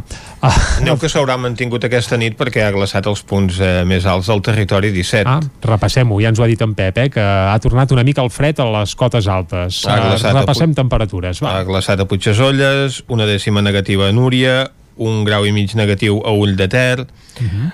A Camprodon un grau eh, positiu de mínima, dos graus a Caralps o Planoles, 3 a Bellmunt, 3 i mig a Molló, a Viladrau, 3,3 a Sant Sadurní d'Usurmort, és els punts on ara mateix hi ha fet més fred i per la banda alta, a la Gleba, amb 9 graus i mig de mínima, doncs seria el poble on hi ha fet menys fred en tot el territori 17 aquesta nit. Doncs vinga, un cop repassades les temperatures, ara ens toca anar cap a l'entrevista. Casa Tarradellas us ha ofert aquest espai.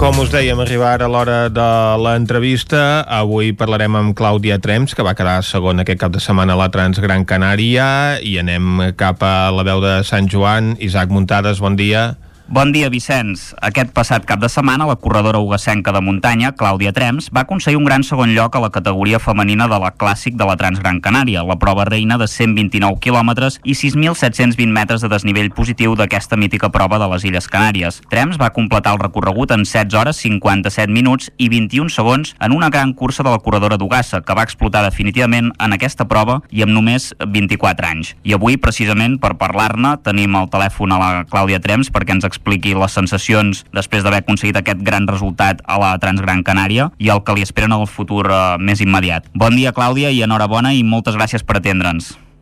Bon dia, merci a vosaltres per convidar-me al teu programa. Primer de tot, Clàudia, uh, l'any 2019 ja vas quedar vuitena a la Transgran Canària, l'any passat uh, cinquena, i aquest any uh, has quedat segona a un pas de la glòria. Vull dir que la progressió és evident. M'imagino que estàs uh, molt satisfeta i contenta del resultat i potser l'any que ve ja et marques un objectiu més alt, no? Bueno, la veritat és que a dia d'avui encara no, no, o sigui, no ho assumeixo, no? O sigui, sé que he fet segona, però no de, d'una cursa tan important. Llavors, bueno, els objectius per l'any que ve suposo que bueno, seran encara les coses d'una altra forma, però en el futur més immediat ja, ja les hem de començar a encarar així després d'aquest resultat. Uh, com va anar la, la cursa? Explica'ns en detall els punts claus del, del recorregut, perquè em sembla que hi va haver-hi moments de, durant bastanta estona de la prova que anaves líder. Sí, així és. Vull dir, jo vaig sortir amb el meu entrenador, amb en Rubén Bona, uh, havíem marcat uns temps de pas i jo l'únic que volia era fer la meva cursa i seguir aquests temps de pas. Vull dir, en, en cap moment em volia obsessionar amb les altres noies, ni on estiguessin elles, ni el que fessin, ni com corressin, no? Perquè això em podia costar, diguéssim, el, el no acabar la meva cursa, el fer la seva cursa. Llavors, bueno, vaig sortir i la veritat és que em vaig ficar al meu ritme i em vaig trobar davant.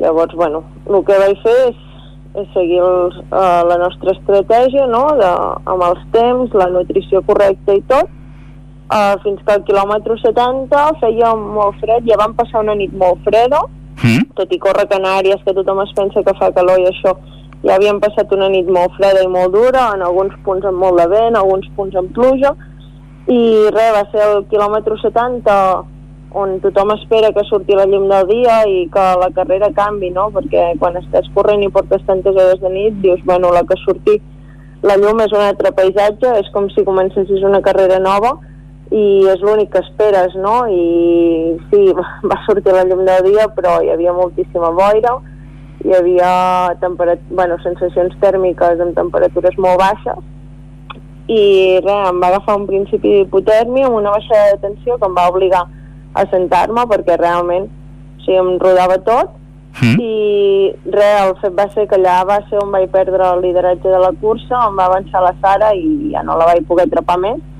La sort és que bueno, li vaig saber donar una mica la volta no? i vaig dir bueno, he d'arribar al pròxim avituallament per escalfar-me perquè si no realment em podia passar alguna allà i real anar avançant, anar avançant em vaig com autonar convencent que podia i que el fred seria un moment passatger i els mals moments són passatgers i quan acabes tens glòria, no?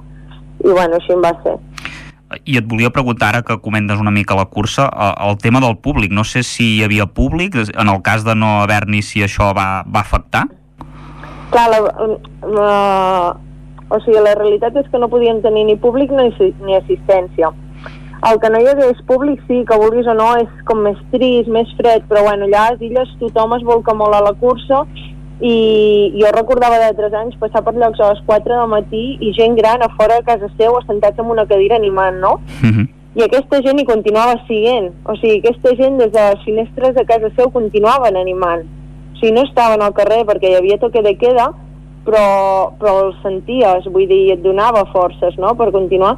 I llavors el tema de l'assistència sí que va ser algo més, més diferent, més dur també, no? Perquè, clar, corres amb molt més pes a sobre, portes tot el menjar a sobre, i a part que jo, per exemple, al principi de la cursa mmm, vaig menjar coses que jo portava i li vaig trobar mal gust, no sé el per què, i ja no vaig poder menjar més, mm, o sigui, més, més coses d'aquelles, no? Vaig haver d'anar d'anar-me, diguéssim, variant la nutrició en respecte a tot el que jo portava saps? No tenia una assistència aquí trucar i dir, ostres, prepareu-me això en comptes d'allò perquè això no m'està entrant.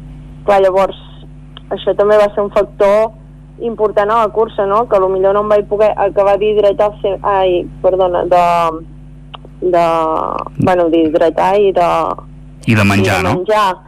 Sí, al 100% el que m'hagués tocat, no? perquè jo no tenia una assistència que em pogués donar el que realment necessitava i amb el dels avituallaments realment no podies afrontar tota la cursa i amb només 24 anys, encara ets molt jove, és molt difícil ser bon curses de llarga distància, però tu et va bastant bé i, i no sé si d'aquí uns anys et veus com una dominadora d'aquest tipus de proves.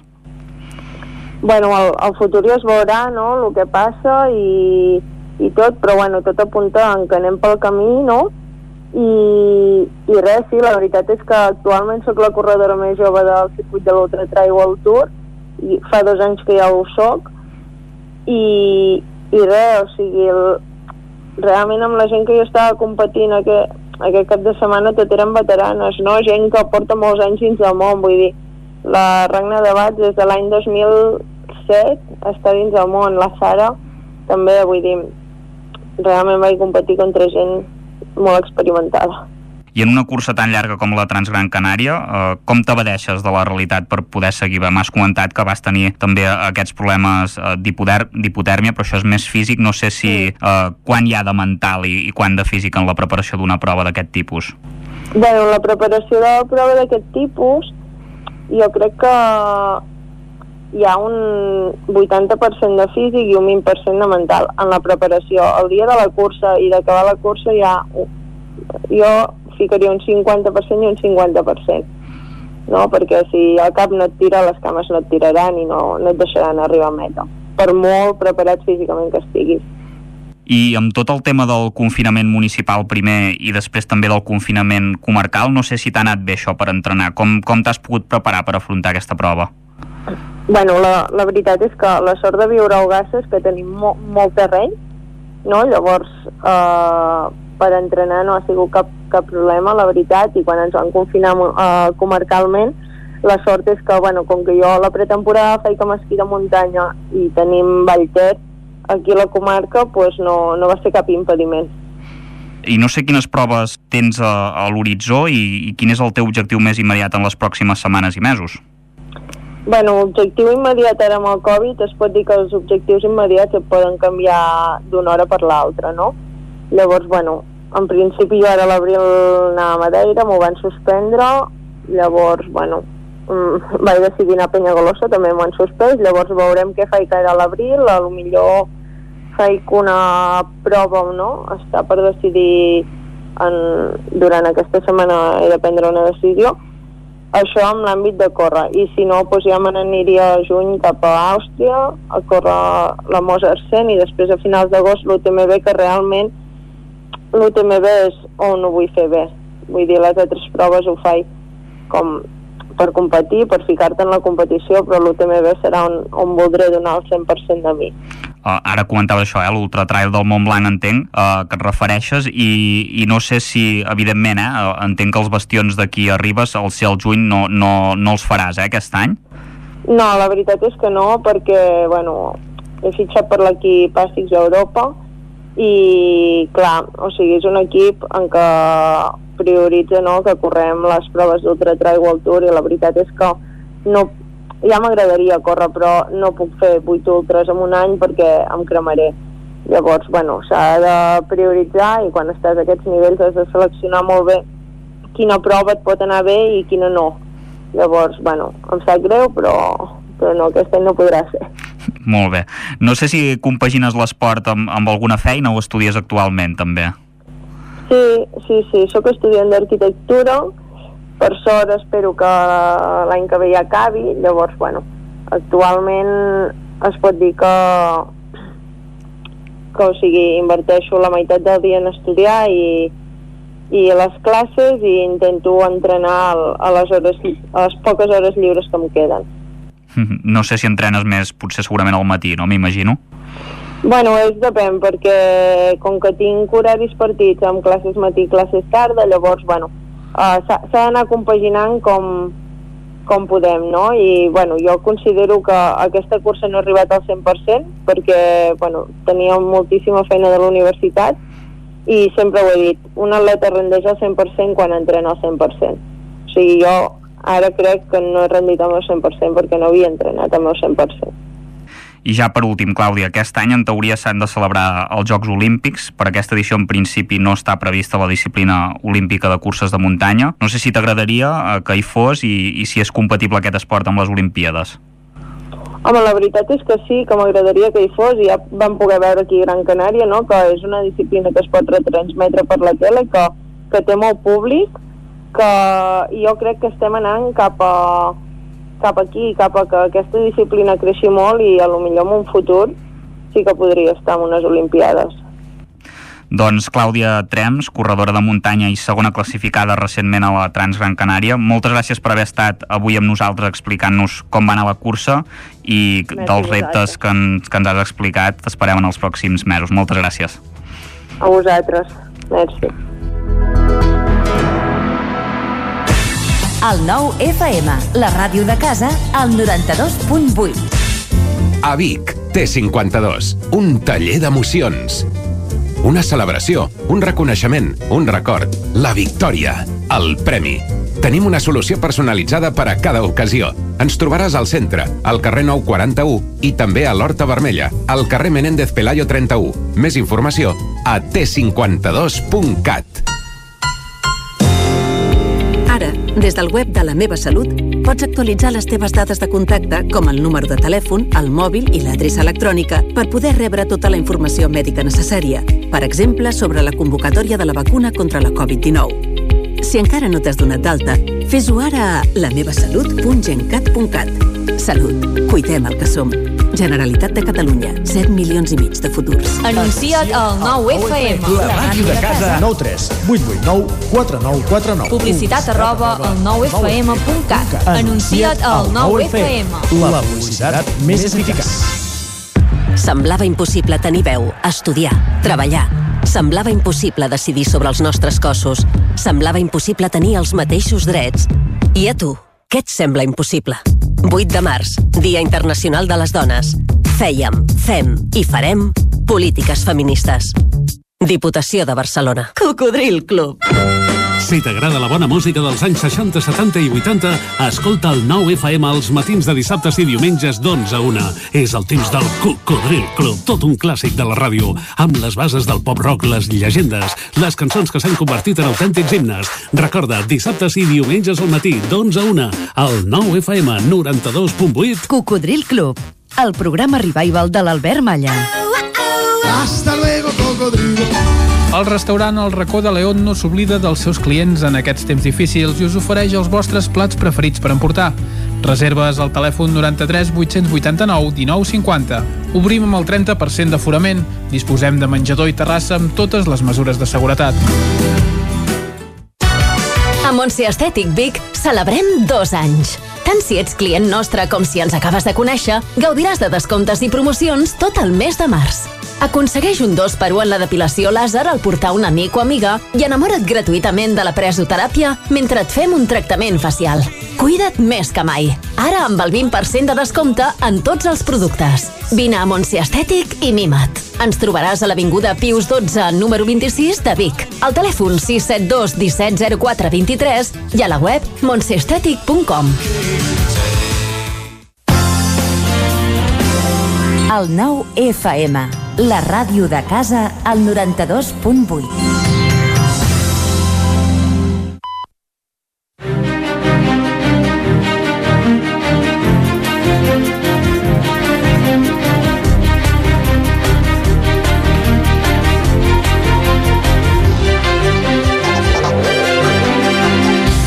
Quan són dos quarts d'onze, anem en directe a la taula de redacció cap al recinte firal del Sucre de Vic, que avui s'estrena com a nou espai de vacunació contra la Covid-19 amb la vacuna d'AstraZeneca, que s'administra ara mateix a determinats sectors eh, professionals. Allà hi tenim en Guillem Rico. Bon dia, Guillem. Hola, bon dia. Avui és un dia apretat per l'alcaldessa de Vic. Exacte, sí. Uh, ara fa una estona ha rebut el conseller de, de, de, de, Socials, de Treball, Afers Socials i Famílies, aquí del Homrani, han signat un conveni perquè es pugui desplegar uh, la seu territorial de, del departament aquí a la ciutat de Vic. Uh, hi havia també la delegada territorial, l'Alba Camps, i uh, això, han signat aquest conveni. Uh, Uh, de moment encara estan buscant, diguem, el lloc on s'ubicarà. Així que el que deien era que no volen que no es planteja fer un espai en el conjunt amb totes les delegacions, sinó que tant des del departament com des de la mateixa ciutat doncs, valoraven el fet que, que les seus estiguin repartides per tota la ciutat eh, per fer-ho així de forma equitativa i perquè eh, per, bueno, per repartir una mica entre les diferents entre les diferents zones i per tant això deien que és una manera també de, des del departament el conseller deia que és una manera d'arrelar-se, d'apropar-se a la gent i per tant doncs aposten per, aquest, per aquesta territori, territorialització de, de, de tot plegat. Vaja, al contrari del que volen fer a Manresa, no? Que volen centralitzar tots els serveis a la Generalitat en un únic edifici. Exacte, doncs aquí no. Aquí que valoren, per exemple, com a la universitat, no? de repartir-ho també, si poden, doncs, en diferents en diferents espais. Uh -huh. I ara, justament, acaba d'arribar l'alcaldessa també aquí a, al recinte final del Sucre, on avui es comença a fer aquesta, aquesta comença així com una seu de, de vacunacions.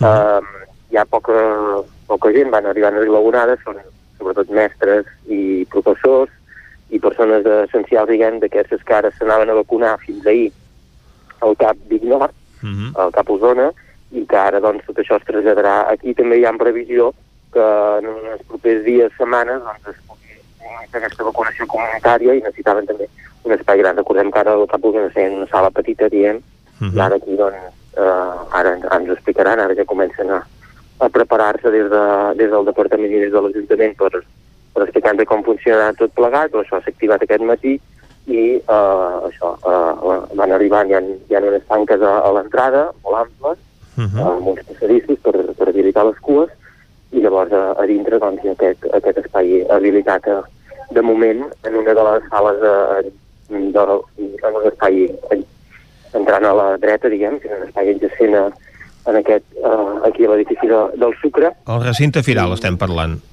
Sí, exacte, el recinte firal uh mhm. -huh. i, i hi ha, hi ha uns, com uns bocs així numerats, ara uh mhm. -huh. estem veient, i doncs, per anar fent a, a, cada, a cada espai. N'hi haurien almenys n'hi ha 6, 8, 8 o 10, de moment hi ha, hi ha uns, uns 8 de, de preparats perquè uh -huh. ja la gent fent van entrant a cada box i allà doncs, doncs els van fent la, la vacunació. Per tant, ara, ara mateix ja s'està vacunant.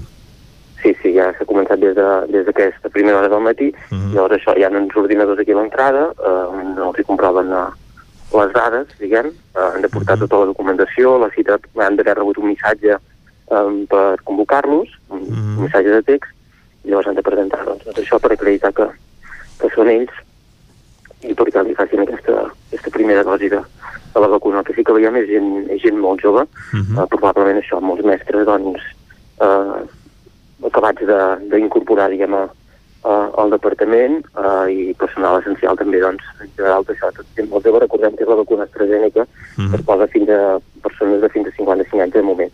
Exacte, que és una vacuna que no requereix tants requisits de conservació com les altres que s'estan administrant a les persones més grans, de manera que no és necessari doncs, requerir dels equipaments de refrigeració que té el cap d'Osona Nord i per tant es pot establir aquest espai alternatiu no? per vacunar uh, la gent, ja en previsió de que quan aquesta vacunació sigui més massiva doncs els fluxes de persones es puguin anar regulant amb més comoditat. Perfecte, doncs bé, anem a veure com, com siga tot aquest protocol. Per tant, doncs, si us sembla, ho deixaríem aquí. Ara uh -huh. ja hem de començar a veure com ens expliquen tot plegat. Ah, Exacte, ara està prevista l'acte la, de presentació doncs, eh, d'aquest espai de vacunació amb la presència, com dèiem, de l'alcaldessa de Vic, Anna R, i també de la delegada de Salut a la regió sanitària de la Catalunya Central, Teresa Sabater. Canviem eh, d'argument, nosaltres ara també canviem d'escenari, anem cap al Ripollès, concretament a Sant Joan de les Abadeses. Allà ens espera l'Isaac Muntades des de la veu de Sant Joan. Bon dia, Isaac. Bon dia, Vicenç. Isaac, eh, han començat ja les obres doncs, eh, per millorar aquest accés de la carretera nacional 260 cap a Ugassa. Recordem que en aquest punt hi va haver doncs, una, una esllavissada doncs, fa un temps, una esllavissada que ha provocat que l'accés, l'arribada al pont doncs, de Sant Joan es compliqui una mica. Sí, correcte. Uh, bé, de fet, encara per començar aquesta segona fase, la que s'ha acabat és la primera fase, que són els micropilotatges que es van fer doncs, per què el talús de, de... Recordem que a Sant Joan de les Badeses hi va haver una esllavissada per culpa de les pluges el passat mes de novembre i això va fer que s'enfonsés una part de, de, del voral de la carretera, que era el que coincidia amb el torrent d'Uganes, i aquí s'hi van fer doncs, aquests micropilotatges per aguantar el talús. Uh -huh. Això va ser la primera fase i ara s'ha fet eh, començarà la segona, que podríem dir que han començat entre cometes perquè sí que s'està mirant doncs, que, eh, bé, que els serveis afectats eh, s'està treballant en el desviament dels serveis que, que es puguin afectar com el gas, la telefonia o les instal·lacions elèctriques uh -huh. i en aproximadament un parell, tres de setmanes sí que ja veurem el moviment de les obres pròpiament dit perquè és quan doncs, eh, es farà aquesta millora a l'accés a, a Ugassa, diguéssim, de, uh -huh. des de la Nacional 260 de Sant Joan dels Abadeses just abans doncs, d'entrar uh, pel Pont Nou. Bàsicament, aquestes obres que costen 1,8 milions d'euros i que està previst que s'acabin uh, a finals d'any, que durin tot aquest uh, 2021 uh, pagades, uh, això és molt important de dir per al Ministeri de Mobilitat íntegrament, és a dir, l'Ajuntament en aquest cas no, no en ha pagat uh, res uh, i que s'han vist precipitades doncs, per, a, per al tema de l'esllavissada uh, en, en passar l'esllavissada doncs, es va creure adequat que ja era hora d'actuar, tot i que estava planificat fer-ho més endavant, doncs es va es va avançar i això consistirà doncs, en la millora d'aquest accés posant-hi com una espècie de glorieta i en carrils d'acceleració i desacceleració doncs, perquè eh, els cotxes doncs, puguin fer millor el revolt i amb més seguretat que fins ara i tinguin més visibilitat. Per fer-ho, l'Ajuntament va comprar els dos edificis, uh -huh. eh, això sí que ho va pagar l'Ajuntament. Aquí que sí que s'ha hagut de gratar la butxaca. Sí, Sí, sí, aquí s'ha hagut de gratar la butxaca, ha hagut de, de comprar els dos edificis per valor de 220.000 euros. Aquí hi ha Can Victo per 160.000 i el magatzem eh, del costat per 600.000 i aquests edificis el que, el que es faran és enderrocar-los Sí, 60.000 i, i l'altre 160.000, és a dir... 160.000. Uh -huh. Exacte, són 220.000 en total. I, i evidentment, doncs, un cop estiguin eh, enderrocats, el que es farà doncs, és que tota aquella zona s'ampliarà el que seria el vial i també s'hi farà una petita eh, zona verda eh, per fer un, un espai una mica més amable. I per tant doncs, eh, si eh, els terminis de les obres es compleixen doncs a finals d'aquest any doncs, ho, ho tindrem eh, acabat. De moment sembla que tot va bastant eh, en, els, uh, en els terminis previstos i ja et dic, eh, en principi d'aquí unes dues setmanes ja, ja veuríem moviment per aquesta uh -huh. zona. Doncs unes hores necessàries perquè afecten a un punt de molta circulació, un punt essencial en el trànsit de Sant Sí. Joan. Sí, sí, correcte. És, és un punt molt, molt essencial i que recordem que no hi hauria cap desviament possible per poder passar a, l'altra banda. Per tant, són pràcticament... Eh, bueno, són absolutament essencials. D'acord, doncs moltes gràcies, Isaac. A vosaltres. Tanquem aquí avui aquesta taula de redacció que hem compartit amb l'Isaac Muntades i en Guillem Rico. Territori 17 I arriba l'hora ara de repassar les piulades del dia amb l'Isaac Moreno. Isaac, bon dia. I bona hora. No sé si centrades en el Barça, aquestes piulades. Barça i... sí. Barça. I alguna cosa més. I alguna cosa més. Uh -huh. Uh, Juliana Canet, quina restricció teniu més ganes que treguin? Jo dubto entre bars oberts a les tardes i el confinament aquest comarcal que no s'entén. Bueno, lo del toc de queda ni ho comento perquè em sembla de dictadura. Queda dit. Doncs que pràcticament ja demana que ho treguin tot, no? Jordi Remolins, això de deixar obrir els bars només a estonetes perquè si acumuli la seva clientela habitual una, una sobre els dels altres crec que és un encert més del Procicat. La propera quina serà? Que surti el Mago Pop i digui que això de la pandèmia era una broma i no ha existit mai? Bé, ara mateix el govern doncs, ja s'està plantejant i pot ser que ho anunciï d'aquí una estona que la restauració... El Mago Pop? No, ah. que la restauració podrà obrir de forma continuada des del matí fins a dos quarts de 5 de la tarda. Enric Xicoi, que algú dels als Emirats li paguin la vacuna tant me fot. El que no entenc és que no ens fixem en el fet que se'ls permeti viatjar a visitar un delinqüent. En canvi, un veí de Torelló el multen per anar a Can a visitar la seva mare, que viu sola. Exacte. Núria Sallarès es fixa en el titular del 324 del cas de la Rosario. La dona de 97 anys desnonada per error torna a un pis sense records, perquè es va trobar al pis 8. Uh -huh. Diu, desnonar una dona de 97 anys per error és violència i no veig que obri gaires telenotícies ni que els tertulianots de torn de les diferents emissores del país estiguin gaire indignats. No, massa no. Allà on hi hagi un contenidor que no s'hi posi una àvia de 97 anys, no?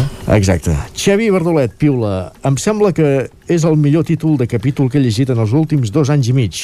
I cita un llibre de Magicams que es diu Parla'm amb estil, i el títol de capítol és El racó del client. Si vol ser atès en català, toqui el 2.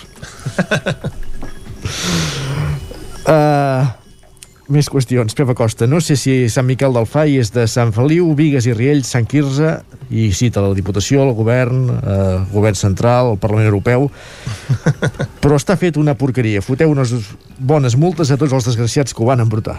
Carai, tu. Uh, Quimi Portet es fixa en un tuit de l'usuari Sergi CJ, Sant Cristòbal Jane, diu, a vosaltres us agraden les persones? I en Portet que diu, a mi m'agraden més els macarrons. Vaja. Ara sí, obrim el capítol Barça, les praves aquest, eh? Sí. Guillem Freixa. Una primera petita remuntada per la gran remuntada que ha de fer el club. Elisabet Vallbona, així sí Barça, cap a la final. Una estona abans havia piolat. Xarrup cada vegada que els comentaristes de Telecinco diguin ojo que un gol de los de Lopetegui mete al Sevilla en la final. Doncs Etiqueta... no, sé com, no sé com devia acabar l'Elisabet la nit d'ahir. Etiqueta Pesao, però no és l'únic, eh? Uh, la línia Arnau Jomir no podia ser ningú més després de tanta merda extraesportiva pel club. Avui és una gran alegria. Gràcies Barça, però sobretot gràcies Gerard Piqué. Uh -huh. uh, tenim més del Barça Ah, això. Guillem Freixa, Telecinco és un funeral. Bé, Barça, bé, va. Joan Serra, sap greu Morientes i Kiko. Uh, tanquem capítol Barça i tenim més piolades com per exemple la d'en Roger Mas d'Esquerra de Vic, presos polítics i gairebé 3.000 represaliats el cas dels militars feixistes Arxiva, Villarejo en llibertat el Borbó i les seves filles, el judici als síndics la fiscalia contra els membres de la mesa Hassel, Baltònic, etc. un estat franquista disfressat de democràcia uh -huh. uh, més piolades per exemple Jordi Vilarrodà eh, es fa ressò del tuit de Montsellat sobre la presentació del llibre de Vicenç Lozano que presentava precisament Jordi Vilarrodà diu el millor que pot dir la gent que ve a la presentació d'un llibre és que ens han vingut ganes de llegir-lo d'això es tracta, un ple haver pogut presentar intrigues i poder al Vaticà del mestre Vicenç Lozano Reflexions, diu l'etiqueta del tuit d'Antoni Moles, diu tinc 59 anys, no tinc dret a vacuna, no tindré passaport verd a l'estiu, no podré anar de vacances. Bé, de fet, el ministre tornarà a habilitar el mes d'agost com el 2020, tot sigui per un bé de la justícia. I anem per acabar una piolada de... Ens n'havíem saltat una del Barça, eh? És d'en Pep ah. Poblet. Diu, segur que els de Telecinco veuen el mateix partit? Són imparcials per la part dels cul... col. Mira que és de l'Espanyol, eh? Ara Poblet? anava a dir, precisament, en Pep Poblet no seria del Barça. No, i va, matem un, amb una última pilada del Barça una Copa del Rei de l'Enric Xicoi diu una Copa del Rei tindria sentit en una república. Mentre tinguem un cap d'estat monàrquic i hereu del franquisme i del Joan Carlisme no celebraré cap victòria d'un equip català en aquesta competició. És blanquejar i promocionar la repressió. Doncs eh, que quedi clar aquest posicionament i el 17 d'abril sortirem de dubtes Anem a repassar portades. Anem a repassar les portades al 99.cat. Vallès Oriental, Granollers reformarà els carrers Sol i Unió seguint la mateixa estètica que a Corró. L'entrevista Marina Avallo, no sé fer migdiades. 14 municipis es coordinen per fer front als danys provocats per senglars i un ferit menys greu en una explosió en una fàbrica de plàstics de la Roca i la portada vermella, la de l'edició d'Osona i el Ripollès del 99.cat, Matlleu llogarà Can Xeran per facilitar l'aïllament de positius i resoldre altres situacions d'urgència. Uh -huh vacunar-se a la butaca del menjador, una crònica de vacunacions a domicili, i descarten indicis de violència en la mort de l'home trobat al riu a Torelló. Doncs eh, moltes gràcies, Isaac, per tot aquest repàs. Bon dia. Nosaltres ara anem cap al cinema. Territori 17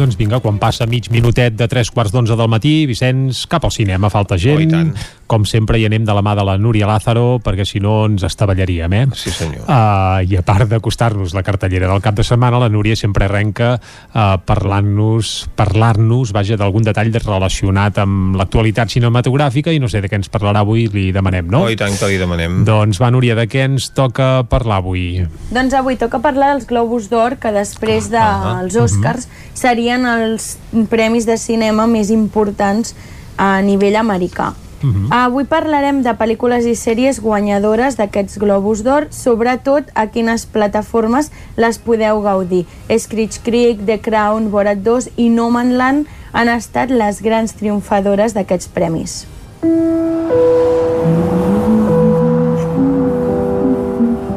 You are one of those lucky people that can travel anywhere. Yes, ma'am, I know. And they sometimes call you nomads. My mom says that you're homeless. Is that true? No, I'm not homeless. I'm just... Doncs comencem amb Nomadland, pel·lícula que n'hem parlat moltíssim, una de les grans candidates als Oscars, que s'han dut millor pel·lícula dramàtica i millor direcció. Després del col·lapse econòmic d'una ciutat a la zona rural de Nevada, per la fallida de la seva principal empresa, Fern empenca la seva camioneta i es posa en camí per explorar una vida fora de la societat convencional, com nòmada moderna. Nomadland té pinta de ser la pel·lícula de l'any, després d'emportar-se el premi a millor pel·lícula en categoria de drama i millor direcció per la Chloe Zhao, potser una mica encaixonada en el paper de la treballadora de classe baixa de, de centre als Estats Units, que lluita pels seus drets, Francis McDormand no s'ha emportat en aquesta ocasió el Globus d'Or el que era candidata, jo crec que també estarà nominada als Oscars com a millor actriu, millor direcció i millor pel·lícula, falta per veure. I l'estrena aquí a Espanya serà el 2 d'abril. But now I was instructed to return to Yankee Land to carry out secret mission. I go to America! What do you say? No, it's not me. People make recognize my face. I would need disguises. Doncs Borat 2, la seqüela de Borat, s'han dut eh, el premi a millor comèdia o musical i millor actor de comèdia o musical, amb competidors com Hamilton, Music, Palm Springs o The Prom, la segona part de la història de Borat 2 no les tenia totes, més encara si els crítics de cinema semblaven no haver estat especialment amables amb ella. Doncs aquest títol li segueix donant alegries a Sacha Baron Cohen, també guardonat actor de comèdia, i a Amazon Prime Video, ja que es converteix en el primer llargmetratge de l'estudi amb Globus d'Or a millor pel·lícula. En aquesta ocasió, el quart millor periodista de Kazakhstan torna als Estats Units, però amb la seva filla. I com ja us he dit, aquesta pel·lícula la, la teniu disponible a Amazon Prime Video. A one, a two, a you know what to do. This be an empty world without the blues.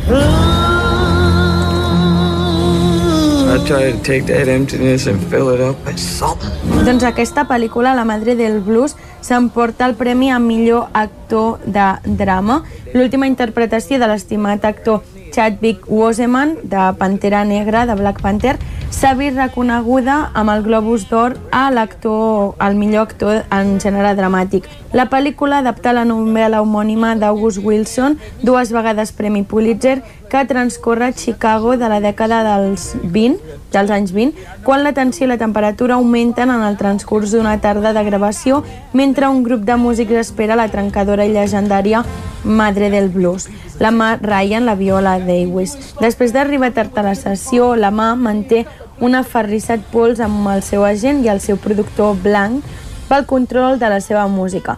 Mentre la banda s'està esperant a la claustrofòbia sala d'assajos de l'estudi, l'ambiciós corneta Lewy, Chadwick Boseman, interessat per la núvia de mà i decidit a deixar la seva empremta personal a la indústria musical, deslliga els seus companys un torrent d'històries que revelen veritats que canvien per sempre el transcurs de les seves vides. És una pel·lícula que teniu disponible a Netflix. If you stray outside the designated areas, you will be removed from the island. It's recommended you wear a hijab when visiting your client. We've had incidents of inmates spitting at female lawyers. You want to represent the head recruiter for 9-11. Mohamedou Old Slahi, the Mauritanian held in Guantanamo. He recruited the Doncs de Mauritània, en la pel·lícula que li ha fet guanyar el quart Globus d'Or, en aquest cas a millor actriu de repartiment, a la veterana Judy Foster, que podem veure en estrena directa a Movistar Plus a partir del 23 d'abril. A la pel·lícula es narra la història del Mohamedou Old Shali, el Taharrami, que sobreviu a la presó de Guantánamo durant una dècada després d'haver estat detingut i empresonat sense càrrecs pel govern dels Estats Units i sense que s'hagi celebrat cap judici. Havent perdut tota l'esperança, Schlary troba aliats en l'advocada defensora Nancy Hollander, la Jodie Foster, i la seva associada Terry Duncan, la Shinley Woodley. Junts s'enfronten a innumerables obstacles en una recerca desesperada de justícia i com us he dit abans, és una pel·lícula que podreu veure en directe, l'estrena en directe a través de Movistar Plus el proper 23 d'abril. We're going to Chicago to protest the Vietnam War. And there's no place to be right now but in it. We watched for a decade while these rebels without a job tell us how to prosecute a war. Doncs una altra de les pel·lícules és El juicio de los siete en Chicago, que s'emporta el premi a millor guió. El que havia de ser una protesta pacífica durant la Convenció Nacional Demòcrata de 1968 es va convertir en una violenta batalla campal amb la policia i la Guàrdia Nacional. Els organitzadors de la protesta, entre els quals figuraven Avi Hoffman, Jerry Rubin, Tom Hayden i Bobby Seale, van ser acusats de conspiració per incitar una revolta i el judici posterior va ser un dels més notoris de la història dels Estats Units. Es tracta d'un apassionant drama judicial inspirat, inspirat en fets reals en què el millor és el repartiment d'aquesta pel·lícula. Ha Abdul Matin II, Sasha Baron Cohen, Joseph Gordon-Levitt, Michael Keaton, Frank Langella, Eddie Reitman componen, componen una actuació fascinant sobre una història a la que el mateix Steven Spielberg va animar que dirigís i escrivís a l'Aaron Sorkin i la teniu disponible a Netflix. ¿Pero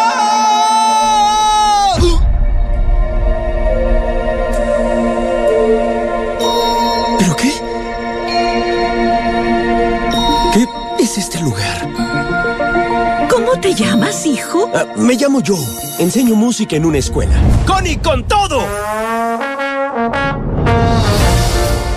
Doncs una pel·lícula que s'ha parlat molt les darreres setmanes i mesos és la pel·lícula de Soul, que s'ha endut el premi al Globus d'Or a millor pel·lícula animada i millor banda sonora. No hi ha hagut grans sorpreses, és a dir, era una pel·lícula que ja s'esperava que guanyés en aquesta categoria. De fet, els crítics estrangers van donar les seves felicitacions a la proposta de Pixar, que participava més amb un altre títol, Onward. Soul és una brillant creació de Pity Doctor tenia molts asos a la màniga per derrotar les seves competidores. Per exemple, el nivell de realització tècnica és pràcticament el millor de tota la història de l'estudi i a més a més hi ha una història amb gran moralitat, que no moralina, i la presència de personatges negres. La seva encantadora banda sonora, a més, homenatge al blues i al jazz i és una autèntica delícia i la teniu disponible a Disney+. Plus.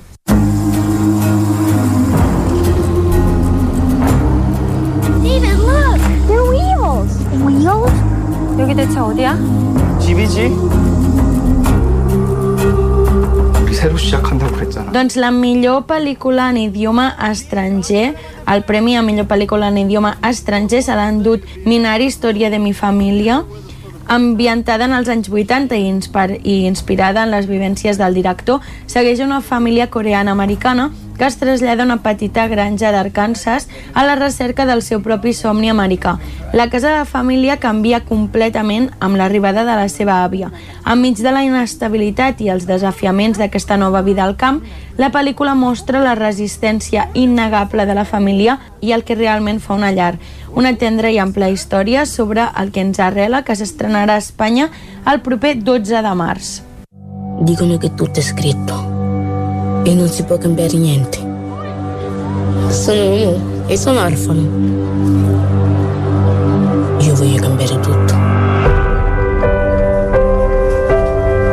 Madame Rosa ha iniziato a tenere i bambini della... Doncs La vida por delante es va endur el premi a millor cançó original, pel·lícula que ja n'havíem parlat abans, és la pel·lícula on surt la Sofia Loren. En aquesta pel·lícula el premi ha estat per la Diane Warren, la Laura Pausini i el Nicolò Agliardi, que s'han endut el Globus d'Or a la millor cançó original per IOC, de La vida por delante, quedant per davant dels esperats guanyadors, que eren Leslie Odom i Sam Ashworth per Speak Now de Una nit a Miami. A la vida por delante explica la història de la Rosa, una supervivent de l'Holocaust que regenta una llar d'infants, que és la Sofia Loren, una llar d'infants a Bari, en la qual acull el senegalès Momo, un nen de, del carrer de 12 anys que li havia robat tots dos solitaris per naturalesa es protegeixen l'un a l'altre i acaben formant una família molt poc convencional, pel·lícula que teniu disponible ja a Netflix.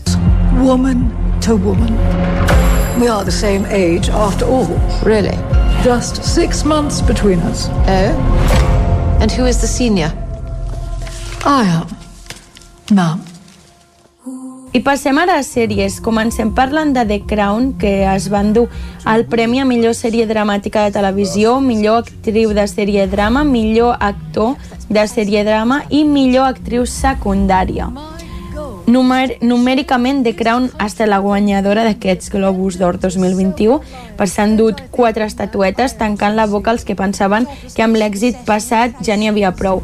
Els guanyadors de l'anterior edició dels Globus d'Or i dels Emmy ja havien reconegut el treball de la quarta temporada. Acumula set Globus d'Or i en aquesta edició han trencat un altre rècord que és el de premiar per primera vegada com a millor actor i millor actriu a la parella protagonista Josh O'Connor i Emma Corrin com el príncep Charles i Lady Di. És una sèrie que teniu disponible a Netflix, ja van per la quarta temporada, per tant és una sèrie bastant coneguda. Are you uncomfortable about remembering the past?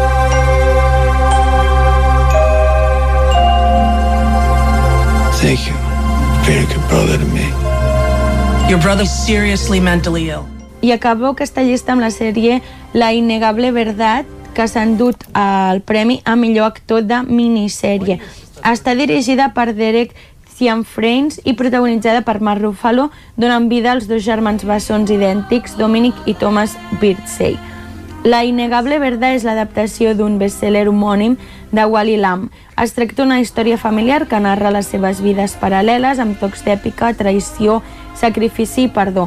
La sèrie ambientada a la ciutat fictícia de Three Rivers, Connecticut, mostra Dominic i Thomas en diferents etapes de les seves vides, començant en el seu present a principis de la dècada dels 90, amb els dos germans propers a la mitjana edat i alternant amb els records de Dominic en la seva joventut i infància. És una sèrie que teniu disponible a HBO. No t'ho perdis. Estrenes de la setmana. I passem ara a les estrenes de la setmana i ho farem començant amb el cinema Esbarjo de Cardedeu. But it started with a dream. I dreamt that I was writing a story about a man who followed me. I felt that someone was looking at me, Doncs al Cinema Esbarjo comencem amb el documental del mes que es farà aquesta tarda a les 8 del vespre al Cinema Esbarjo i és The Letter. El jove Carissa viatja de Mombasa als seus orígens rurals quan s'assabenta que la seva àvia està en perill. A través de les converses amb els seus familiars descobrim amb incredulitat que el seu oncle, fruit d'una combinació de superstició i interessos econòmics, és l'instigador de la terrible acusació. A la vegada, les seves tietes intenten protegir l'àvia que ha d'aprendre a conviure amb el fantasma de l'assassinat rondant la seva humil casa. A Kènia, centenars d'ancians són acusats de bruixeria per tal de robar-los les terres. Un retrat valent que posa en evidència com els valors de les comunitats rurals han estat trastornats pel colonialisme i la religió. Una història d'amor intergeneracional en el que el carisma d'en Carissa demostra com la resistència a l'avarícia és possible i el cos fràgil de l'àvia amaga un poder femení indestructible. Señora Palacios, Oscar Ramos, de Inmobiliaria del Sur. I per aquest cap de setmana al Cinema Esbarjo de Cardedeu també tenim El Inconveniente, una pel·lícula espanyola de Bernabé Rico amb la Juana Costa com a protagonista que la teniu tant divendres, dissabte i diumenge en una sessió tarda vespre a les 8 i a les 7 el diumenge i tracta de la Sara, a qui li ofereixen comprar la casa perfecta, espaiosa, molt il·luminada i extremadament barata. Només té un petit inconvenient la Lola, la septuagenària propietària del local que hi viurà fins que mori. Tot i així la Sara creu que és un bon negoci i decideix comprar esperant el fatal esdeveniment. Muy bien amigos, recuerden lo que estamos buscando y no confíen en nadie. ¿Qué? Hola, bebé. ¿Dónde están tus padres? Hey, ah... Doncs anem a les estrenes del Cinema Sucre de Vic. Aquest cap de setmana uh, s'estrena Raya i el dragón de Paul Briggs i Dean Wellings. És una pel·lícula d'animació i en aquest cas parla de uh, Raya i l'último dragón que viatja al món de fantasia de Comandra on humans i dracs viuen junts eh, des de fa molt temps en una perfecta harmonia, però quan unes forces del man amenacen el territori, els dracs es sacrifiquen per salvar la humanitat. 500 anys després, aquestes mateixes forces malignes tornen i Raya, una carrera solitària, haurà de trobar a l'últim i, legendari drac per reconstruir un món destru destruït i tornar a unir a la seva població.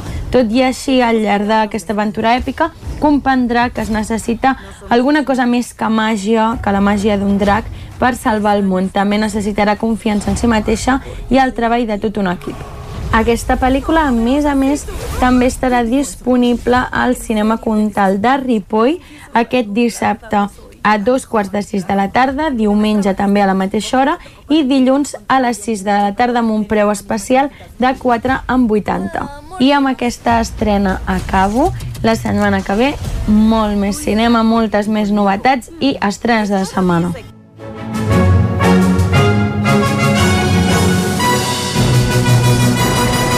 Doncs vinga, a la Núria l'emplacem fins la setmana que ve i el que toca ara aquí a Territori 17, quan són les 11 i 3 minuts del matí, és acostar-vos de nou tota la informació de les nostres comarques, les comarques del Ripollès, Osona, el Moianès i el Vallès Oriental. Territori 17, amb Vicenç Vigues i Jordi Sunyer.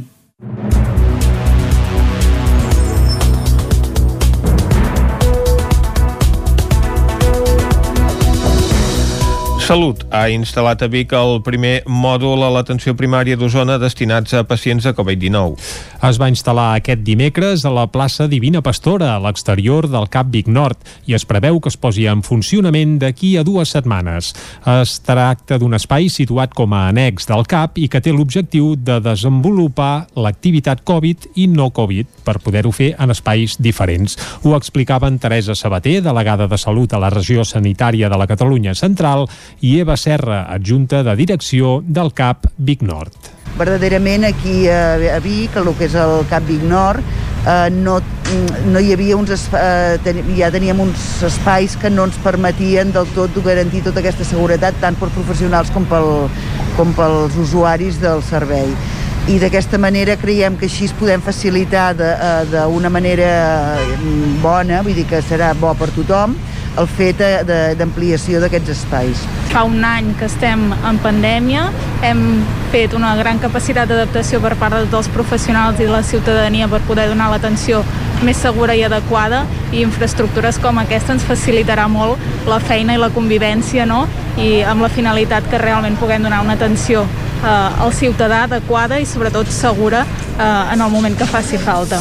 El desplegament d'aquests mòduls s'emmarca en el pla d'enfortiment i transformació de l'atenció primària. Es pretén millorar l'accessibilitat i els processos, així com oferir més espai i confort a la ciutadania.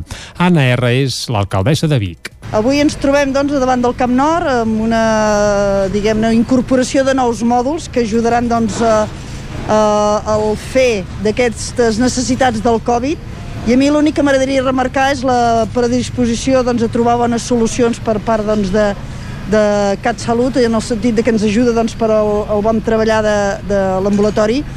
Aquest mòdul estarà en ple funcionament en un termini d'un parell de setmanes. A Osona també se n'instal·larà un altre al CAP de Torelló. Manlleu llogarà l'antiga fonda de Can Xeran per facilitar l'aïllament de persones positives de coronavirus. Una partida pròpia de 25.000 euros i la col·laboració de la Caixa permetran a l'Ajuntament de Manlleu llogar l'antiga fonda de Can Xeran, un equipament situat al carrer Vendrell que a l'estiu del 2017 va quedar desocupat i que ara servirà per donar resposta a persones amb Covid-19 que no poden complir l'aïllament correctament a casa seva. També servirà, a més, per resoldre altres situacions d'emergència social. Ho explica Àlex Garrido, que és l'alcalde de Manlleu eh, ja siguin de la nostra ciutat o siguin de, de poblacions veïnes.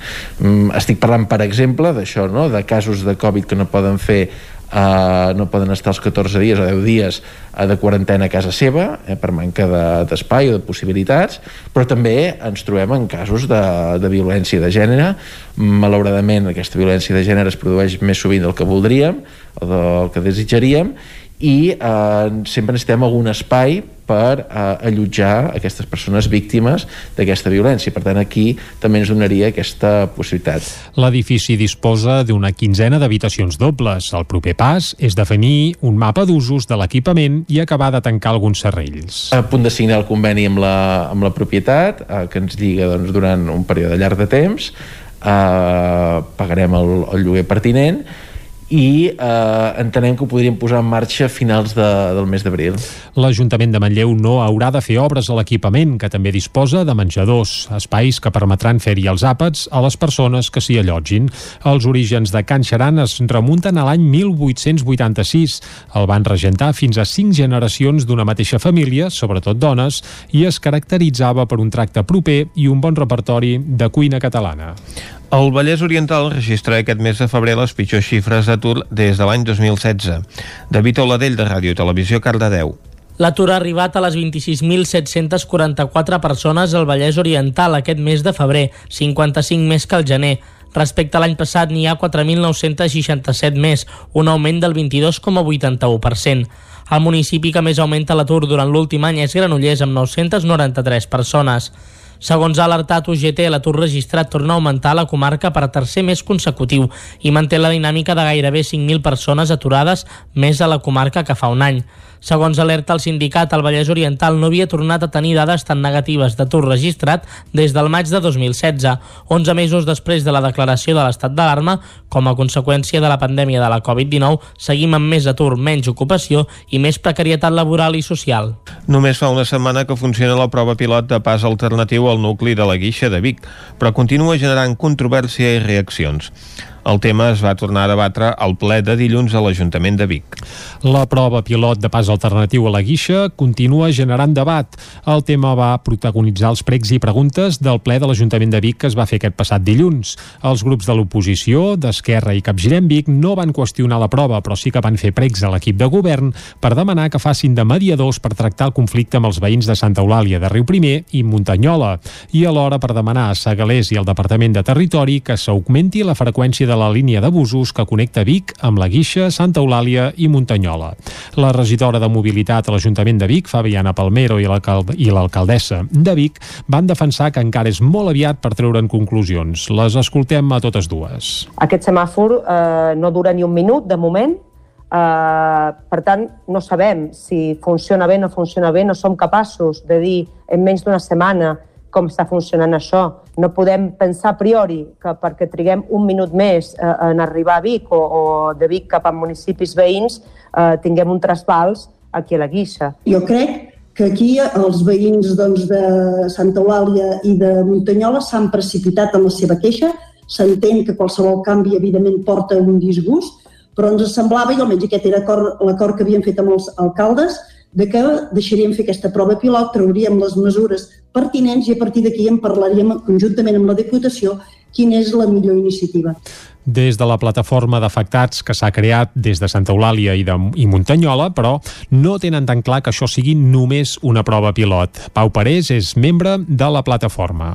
No veiem gens eh, clara aquesta prova que s'ha fet d'aquesta manera sense explicar-nos res, ni avisar-nos, ni informar-nos de la solució que s'havia adoptat, ni quin termini tindrà aquesta prova no es veu que sigui una prova que sigui gaire pilot o que sigui potser molt puntual. S'hi han gastat molts calés aquí, més de 60.000 euros, que no veiem pas que sigui una prova que, que es quedarà només en uns dies de, i prou de prova. No?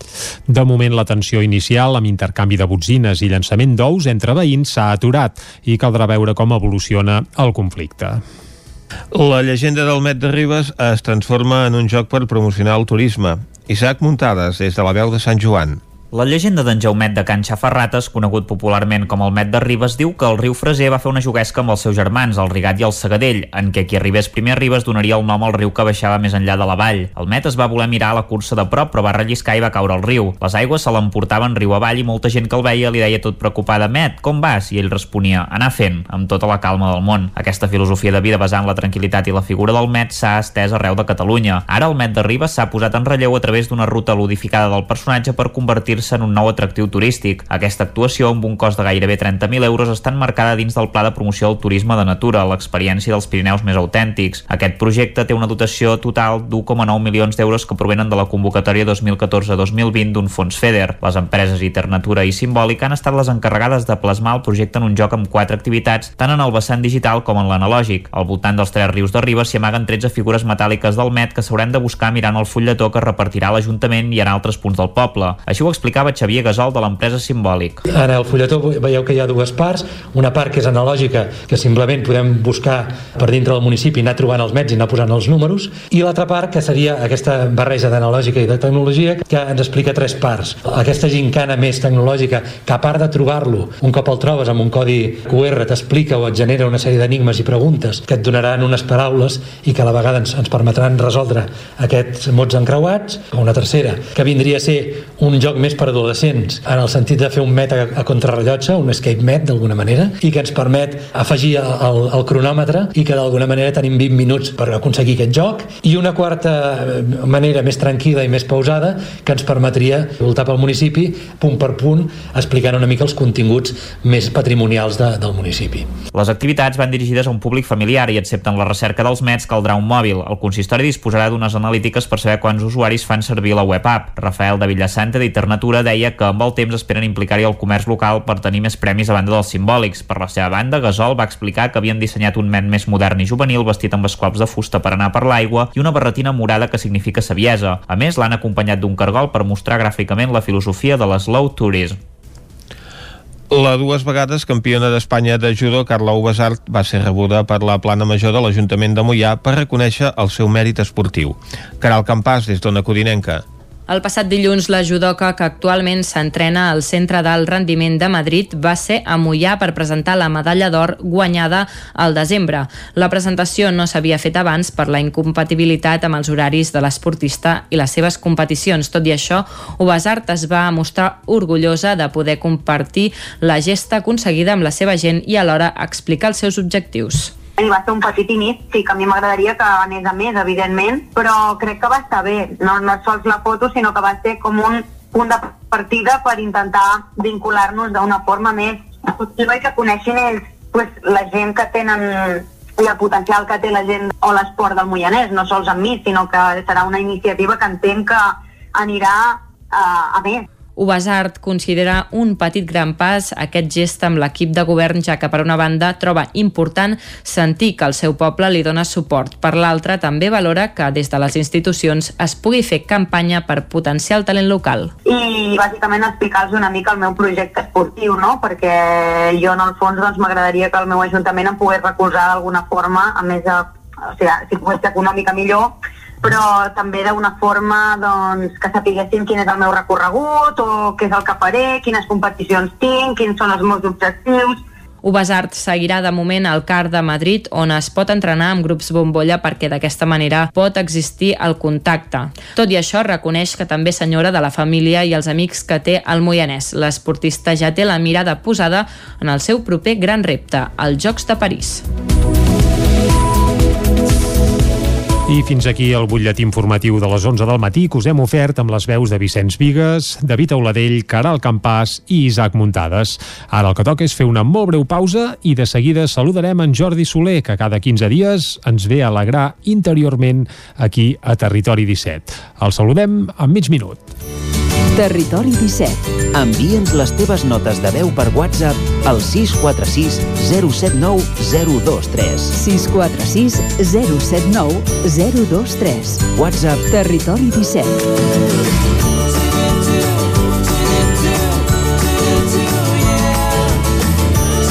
Territori 17. Som a Facebook, Twitter i Instagram amb l'usuari Territori 17.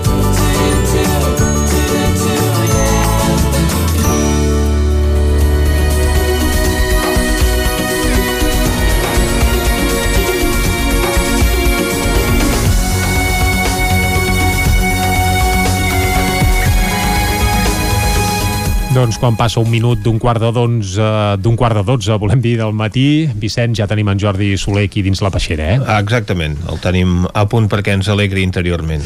Molt bé, Jordi, molt bon dia. Molt bon dia. Uh, de què parlarem avui? Avui parlarem del propòsit, uh Mhm. -huh. que vam parlar-ne fa uns dies, eh? del propòsit de vida, però no des de la perspectiva individual, personal, sinó des de la perspectiva més col·lectiva, grupal o d'empresa. Eh? Vull dir que qualsevol iniciativa que la fem acompanyats d'altres persones, en el cas d'una empresa, per exemple, és bo fixar-se aquest propòsit.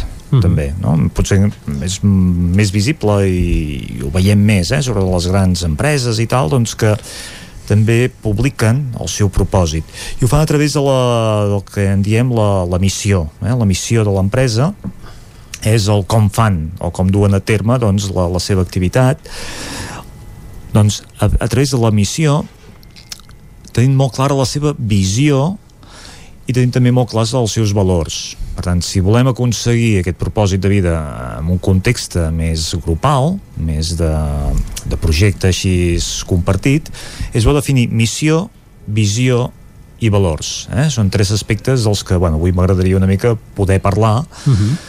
perquè hem de ser pràctics i quan volem engegar un projecte, quan volem engegar una activitat i ho fem acompanyats tenir a la gent enfocada en un sentit, igual que a la nostra vida li volem donar un sentit, doncs tenir el grup, el col·lectiu, siguin una petita empresa de tres persones o sigui una gran corporació, Uh -huh. doncs tenir la gent una mica enfocats cap allà on volem anar és important això ens ajuda a avançar això ens Segur que ajuda sí. a mantenir aquest ordre eh? Mhm. ens ajuda a saber on som la primera part és definir la missió eh?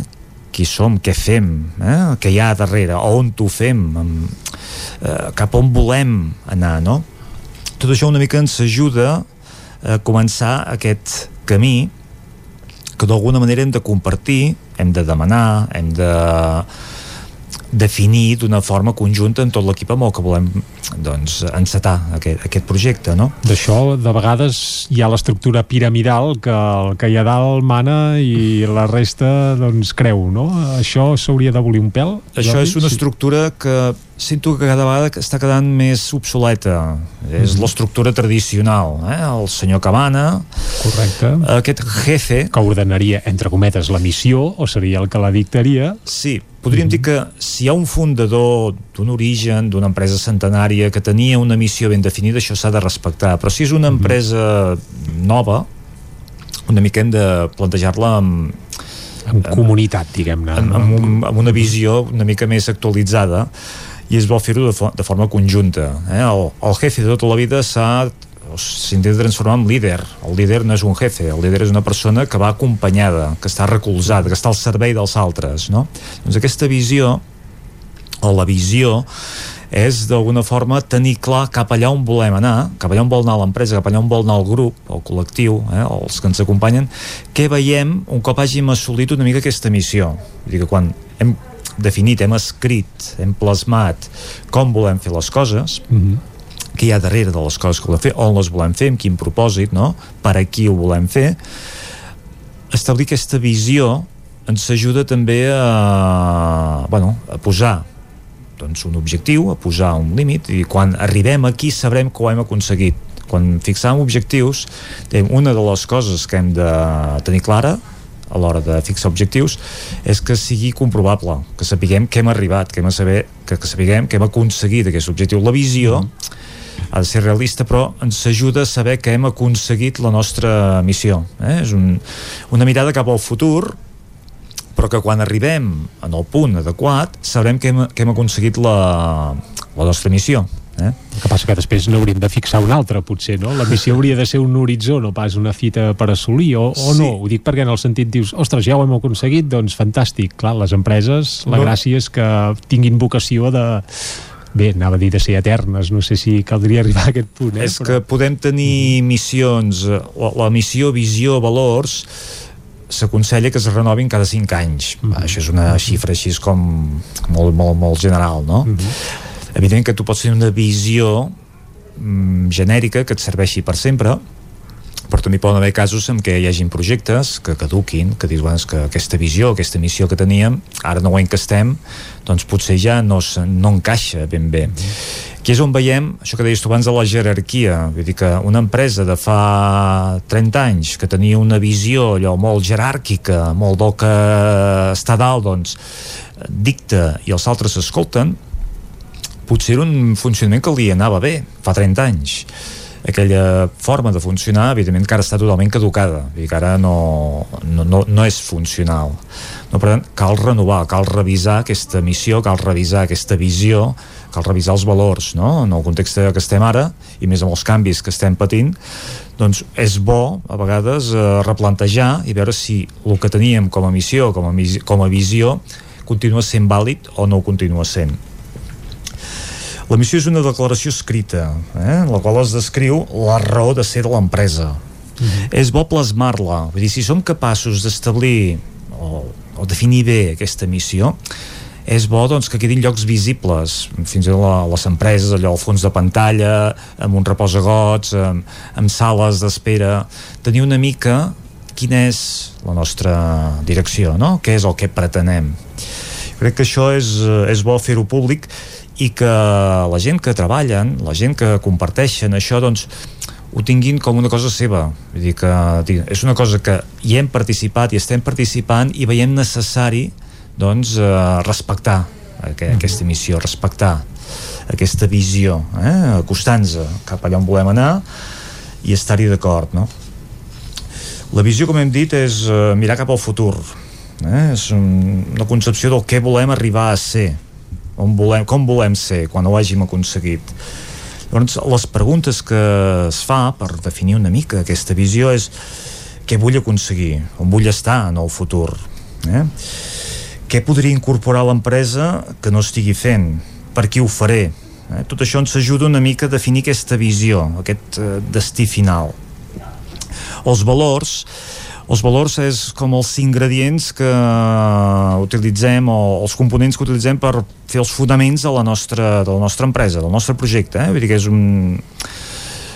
Han de ser curts, han de ser pocs, han de ser clars, han de ser entenedors, però són vitals eh, perquè donguin encara més sentit eh, aquesta missió de la que estem parlant jo curiosament he estat mirant empreses, eh, empreses grans, empreses de referència a veure quin tractament fan de tot això, a veure si ho tenen definit n'hi ha una que em va cridar l'atenció em va cridar l'atenció perquè realment anaven una mica, a mi almenys em va, em va tocar bastant al fons.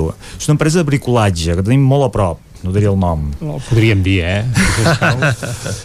la tenim aquí a la comarca, vull dir que és, uh, és una empresa relativament que, gran, eh? Sí? És relativament gran, la coneixem, doncs, segurament que hi passem per davant. Em, em ve al cap i suposo que ja sé quin és i a més a més patrocinen un espai de bricolatge a televisió, pot ser? Ho dic perquè situar la gent no, des de casa. No, no, no, donem, no donem detalls. Va, ja està, deixem-ho aquí. No, no donem detalls. El cas és que quan vaig estar esperant perquè vaig anar a fer allà un, una comanda i estava mhm. esperant i vaig llegir el, el fons de pantalla eh, que tenien allà a l'ordinador de, de recepció què deia? deia despertar en cada persona la motivació de crear entorns on viure millor mm -hmm. eh, dit així dius, bueno, no és res de nou però dic, caram aquesta gent es o sigui, s'interessen en despertar en mi la motivació perquè jo visqui millor, o sigui, s'interessen en, en que jo visqui d'una altra manera, que visqui millor, uh Mhm. -huh. i em motiven, m'empenyen cap a això, no? Per tant, aquesta organització té un interès en el meu benestar, no? I volen que uh -huh. aquest benestar el fem conjuntament, amb els seus serveis, amb el seu assessorament, els seus productes, no? I la meva intervenció, vull dir que jo participi, jo intervingui amb la meva millora, diguéssim, en aquest cas bricolatge, doncs el meu entorn, no? pugui millorar doncs, el, els espais on visc, pugui millorar la meva vida a través del que ells fan. Dic, caram, això està bé, no? Vull dir que d'alguna forma van tocar, van moure la, fibra sensible, en el cas de, bueno, meva o, uh -huh. o dels clients, no?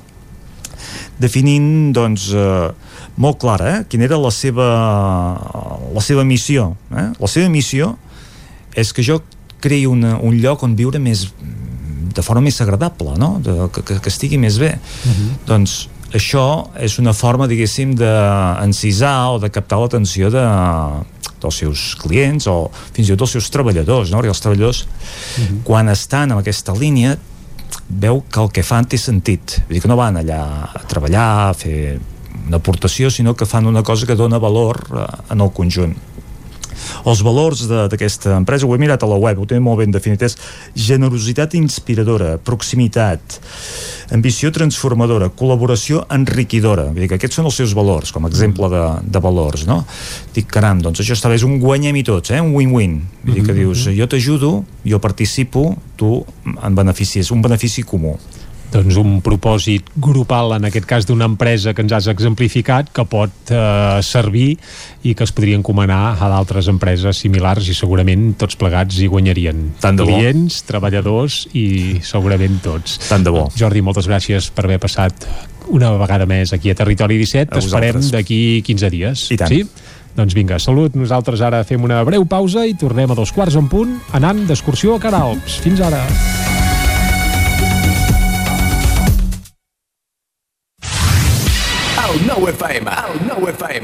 Semblava impossible tenir veu, estudiar, treballar. Semblava impossible decidir sobre els nostres cossos. Semblava impossible tenir els mateixos drets. I a tu, què et sembla impossible?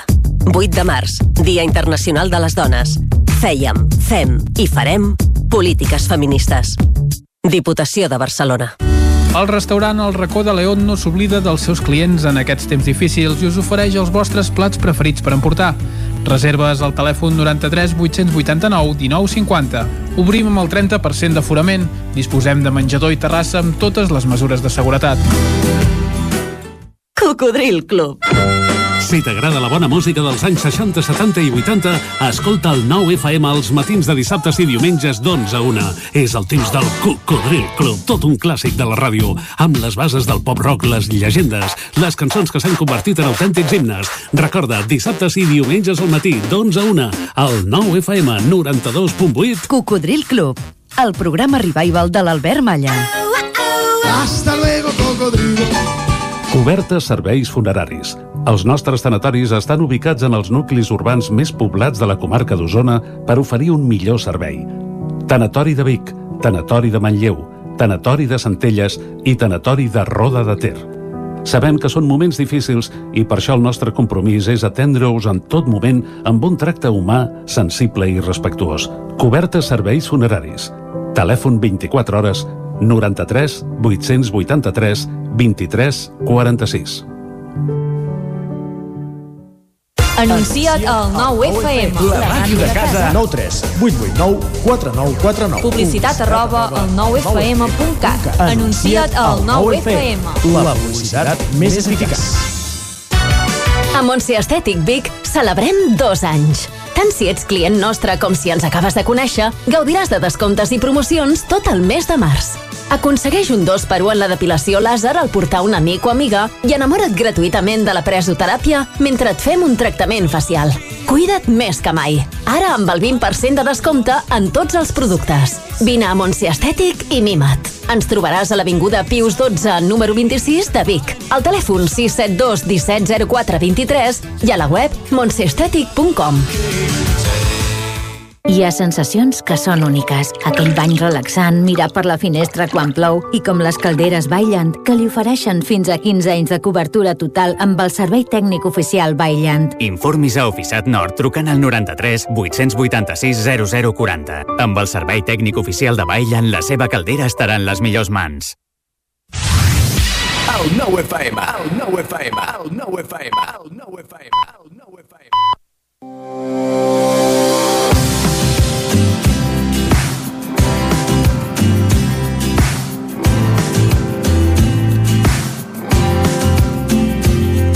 Caralps forma part de la comarca del Ripollès, província de Girona, i té agregats els nuclis de Fustanyà, La Farga, Núria, Rialp, Serrat i Vilamanya. Té una població de gairebé 200 habitants. Per tot el terme municipal es troben nombroses coves en les quals s'han trobat restes que demostren que l'àrea va estar habitada ja durant el Paleolític inferior. La primera menció històrica del municipi es produeix en l'acte de consagració de l'església de la Seu d'Urgell, el 836. Les muntanyes d'aquest municipi amaguen un seguit de comes, solanes i jasses, on tradicionalment des de la història més remota han pasturat els ramats dels grans monestirs, dels naturals del país i de gent de les terres baixes, que enviaven els seus ramats a estiuejar a la muntanya i a hivernar a la plana a través d'antigues carrerades que anaven fins a l'Empordà per Besalú i fins al Vallès i el Penedès per Osona. Les restes del que havia estat el castell es troben a la part baixa del poble. Aquesta situació és deguda segurament al posicionament estratègic per la defensa ràpida de la població. Situat en un promontori es pressuposava que pertany als segles XIV o XV. El castell devia tenir forma triangular amb una torre a cada vèrtex. Caralps aporta més del 50% del territori del Parc Natural de les capçaleres del Ter i del Freser, així que res millor que venir a descobrir-lo en aquesta població.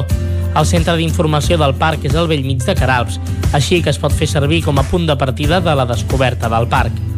Si estem a Caralps, no podem deixar de parlar de la coneguda Vall de Núria. El santuari de Núria està situat en una magnífica vall pirinenca a una alçada de 2.000 metres. Ofereix molts serveis d'hostatgeria, restauració, esports i activitats a l'aire lliure a totes les estacions de l'any, actes religiosos o a les pistes d'esquí. S'hi pot accedir per mitjà del tren cremallera des de Ribes de Freser amb 12 quilòmetres de trajecte i un desnivell de 1.000 metres, però també es pot agafar a l'estació de Caralps. De fet, la Vall de Núria és un espai de pelegrinatge molt concorregut, un espai on poder trobar-hi a banda de les pistes d'esquí una àmplia fauna i flora i un llac a la zona cèntrica de la vall. Per gaudir i conèixer l'espai hi heu de ser presents.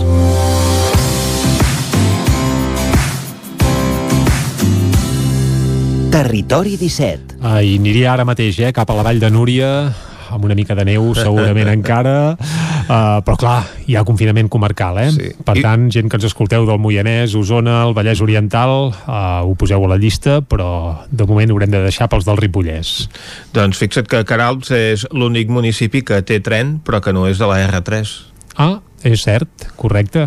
El Cremallera, el Sí, Cremallera que comunica Caralps, bé, comunica Ribes de Freser, sí. on sí que es pot arribar en tren. Ribes sí que té estació de la R3 I pots anar amb la R3, travesses, com aquell que diu, amb 50 metres ets a, a l'estació del Cremallera, per tant, mm, pots empalmar una empalmada ferroviària costat, espectacular.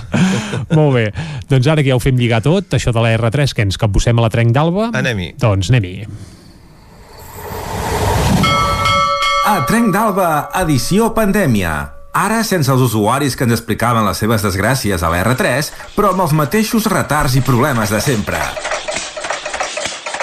Benvinguts a Tren d'Alba. Avui us comentaré la part de l'article del diari públic titulat El tren suspèn a Catalunya, el transport per ferrocarril s'està desmuntant, en què parla de la poca confiança dels usuaris amb el tren, i és que la nostra cronista de capçalera i membre de la plataforma perquè no ens fotin el tren, Glòria Francolí, explicava que més enllà de les obres necessàries, que és evident que la línia necessita, com ara passa amb el túnel de Toses o l'esperat desdoblament de l'R3, fa falta una revisió a fons de la línia per minimitzar les incidències que entorpeixen el dia a dia dels usuaris i els fan arribar tard. Francolí mencionava la falta de personal i la desaparició d'alguns trens. A més, la precarietat de la línia també es percep en els desperfectes als convois que els impedeix circular. Francolí afirmava que el 100% de la gent d'Osona utilitza el transport privat perquè hi ha molt desprestigi del tren, perquè no és un transport fiable i es pot arribar a entendre aquestes decisions. El porteu de la plataforma Trens Dignes Terres de l'Ebre Priorat i delegat territorial de l'Associació per la Promoció del Transport Públic, Josep Casador, coincidia en aquest desori a les línies i horaris, un fet que provoca que la gent opti pel bus. En altres llocs de Catalunya, com és el cas del Penedès, la situació és similar. El delegat de l'Alt Penedès, Albert Parés, apuntava que per moure's dins de la comarca els temps dels viatges són decisius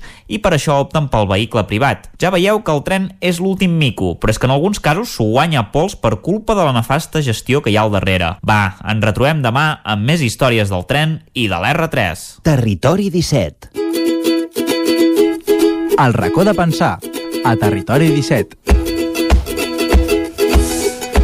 Doncs, Vicenç, arriba el moment d'anar al racó de pensar. Anem-hi. I això vol dir que hem de donar pas a la Maria López des de Ràdio Cardedeu. La saludem ara mateix. Maria, molt bon dia. Bon dia. Bon dia, Jordi, Vicenç, com bon esteu? Dia. Molt bé. Bé, bé. Anar fent, anar fent. Mireu, avui per tu, anar fent, anar fent.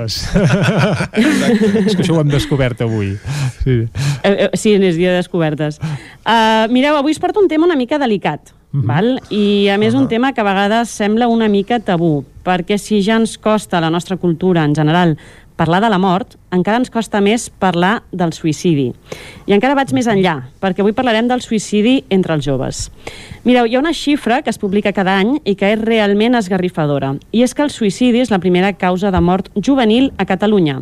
La conducta suïcida és un fenomen molt present entre els joves, però segueix sent un tema tabú i desconegut. Segons un estudi recent del Consell Nacional de la Joventut de Catalunya, és la primera causa de mort juvenil per davant dels accidents de trànsit. Això a Catalunya, eh? A més, el 25% dels adolescents admeten haver tingut idees suïcides. Un 25%, estem parlant d'una quarta part eh, dels nostres adolescents. I davant d'aquestes xifres, amb totes aquestes dades, sembla que encara ens costa parlar-ne. Que encara ens costa posar sobre la taula el per què passa això a Catalunya, què no estem fent bé. Perquè, perdoneu, si el principal motiu per què moren els nostres joves és el suïcidi, és que alguna cosa no estem fent bé. Uh -huh. Com a societat i com a educadors dels membres d'aquesta societat. Es pot prevenir el suïcidi? Com podem fer que canvien aquestes xifres? Com acompanyar algú del nostre entorn, un fill, un amic, un alumne, que té desitjos de suïcidar-se i ens ho exposa?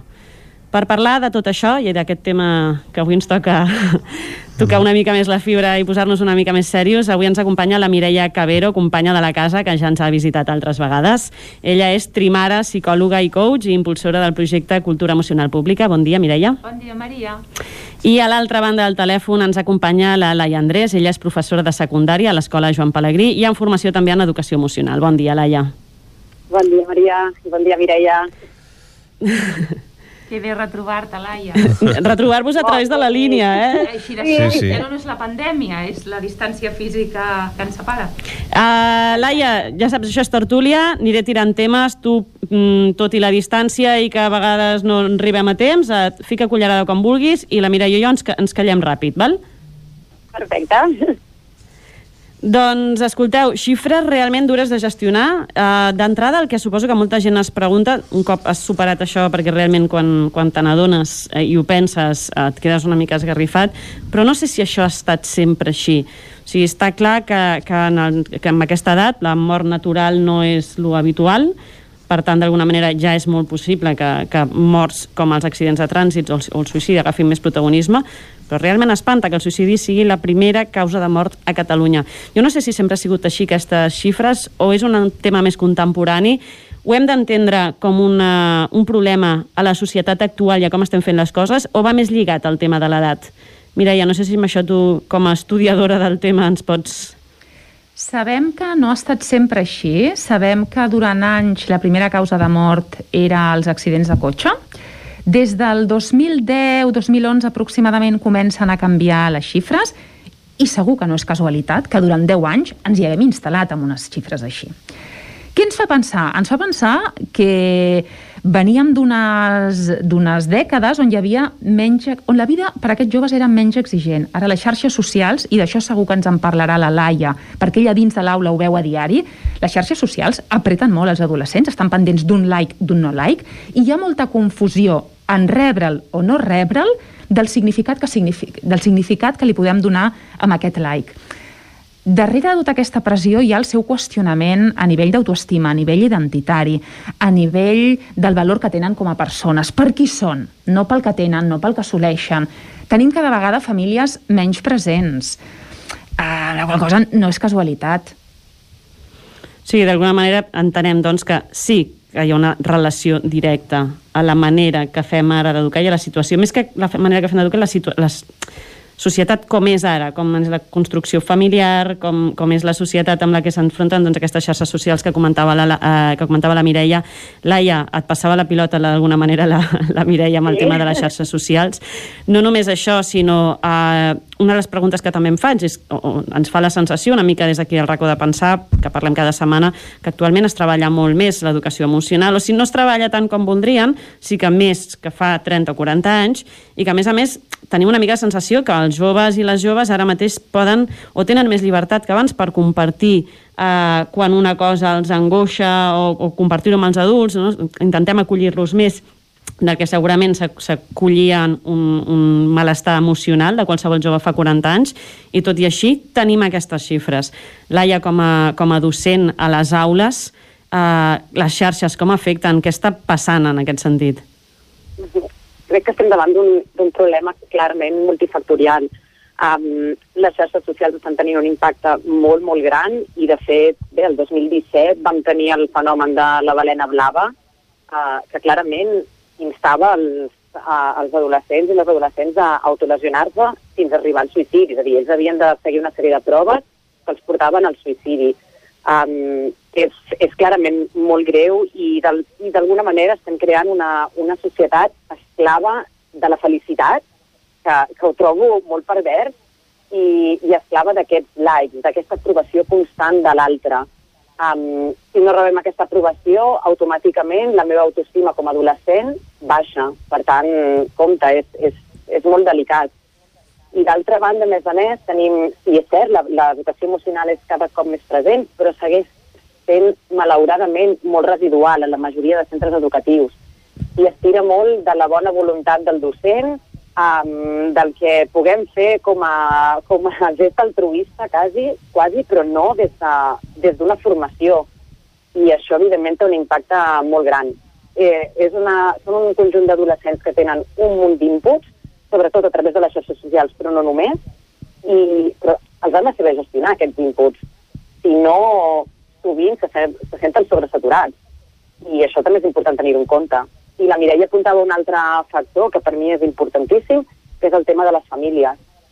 Uh, per més educació emocional que estem intentant uh, aplicar a les aules, el que és ben cert és que seguim en una societat on el C guanya el C i per tant necessitem ser per, per ser reconeguts, per, per tenir aquest reconeixement com a adults i això ho traslladem als nostres adolescents.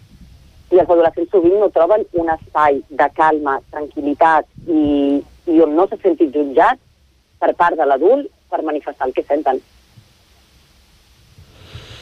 Mireia, parlàvem abans de començar també de, de xifres. Estàvem parlant de quants suïcidis a Catalunya l'any entre joves? A l'any, entre joves exactament no sabria dir-t'ho, però en tota la població catalana tenim entre 500 i 600 suïcidis a l'any, però hem de tenir present que 5, entre aquests 500 i 600 que, que s'acaben consumant, cal multiplicar per 20 les temptatives. Per tant, ens estem anant a temptatives d'entre 10.000 i 12.000 a l'any només a Catalunya. Uh -huh. Són dades que fan esgarrifar i que ens haurien de fer pensar que, que aquest codi risc suïcidi que hi ha, que plana a la, en, en els centres de salut hauria d'estar mm, indubtablement eh, complementarietat amb tot un projecte mm, poblacional de fer promoció de la salut emocional. Quan activem un codi per la prevenció, el que fem és prevenir. Prevenir és diferent a promocionar, si no, no tindria verbs diferents i seria un sinònim. No, no, quan prevenim és procurem que allò no passi. Quan promocionem la salut, el que procurem que passi és que les persones visquin en benestar emocional. I quan algú viu en benestar emocional, no es planteja en absolut suïcidar-se. Estàvem parlant... Exactament. Sí, deixa'm... Ai, perdona, Digues, Maria, Laia, perdona. Um, Mireia, el que he trobat, per exemple, en relació a això el que preguntaves, Maria, sobre el, el número de suïcidis entre el jovent, a l'IDESCAT el que he trobat és que actualment d'aquests 400-500 suïcidis a nivell de Catalunya que comentava la Mireia, uns, un centenar, més o menys, eh, són de, de gent jove, de població jove. Per tant, compte, estem parlant això d'un quart de la població que, que, com diu la Mireia, aconsegueix suïcidar-se. El problema aquí um, són aquestes temptatives de suïcidi que cada cop són majors. I és on hem Parlant de les temptatives, La. Eh, una mica anava això. Suposo que com a coach o, o Laia com a docent us deveu haver trobat segurament eh, persones eh, que d'alguna manera us han expressat joves el, el seu desig o els seus pensaments de, de suïcidi.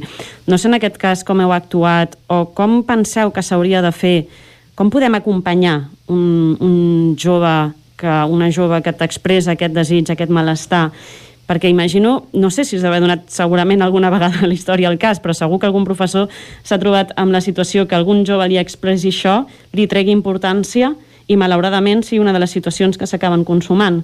O sigui, la càrrega per aquestes persones que potser rebem aquesta informació és molt gran. Com podem gestionar una situació així? Es gestiona de dues maneres.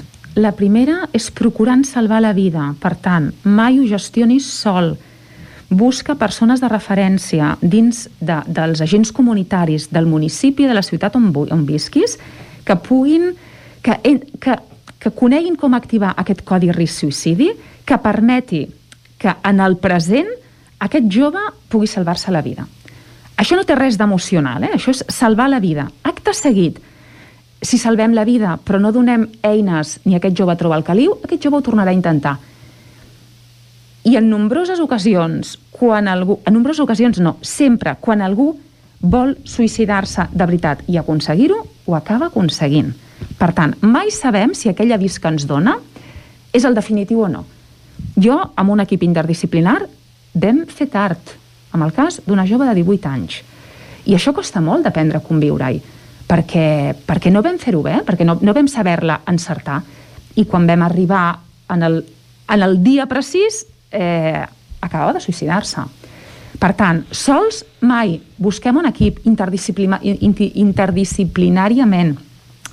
I això vol dir amb psiquiatria, això vol dir amb metge de família que poden activar codi suïcidi, això vol dir amb família, això vol dir amb serveis socials. Busca el recurs que puguis perquè momentàniament en aquell precís moment allò es pugui aturar.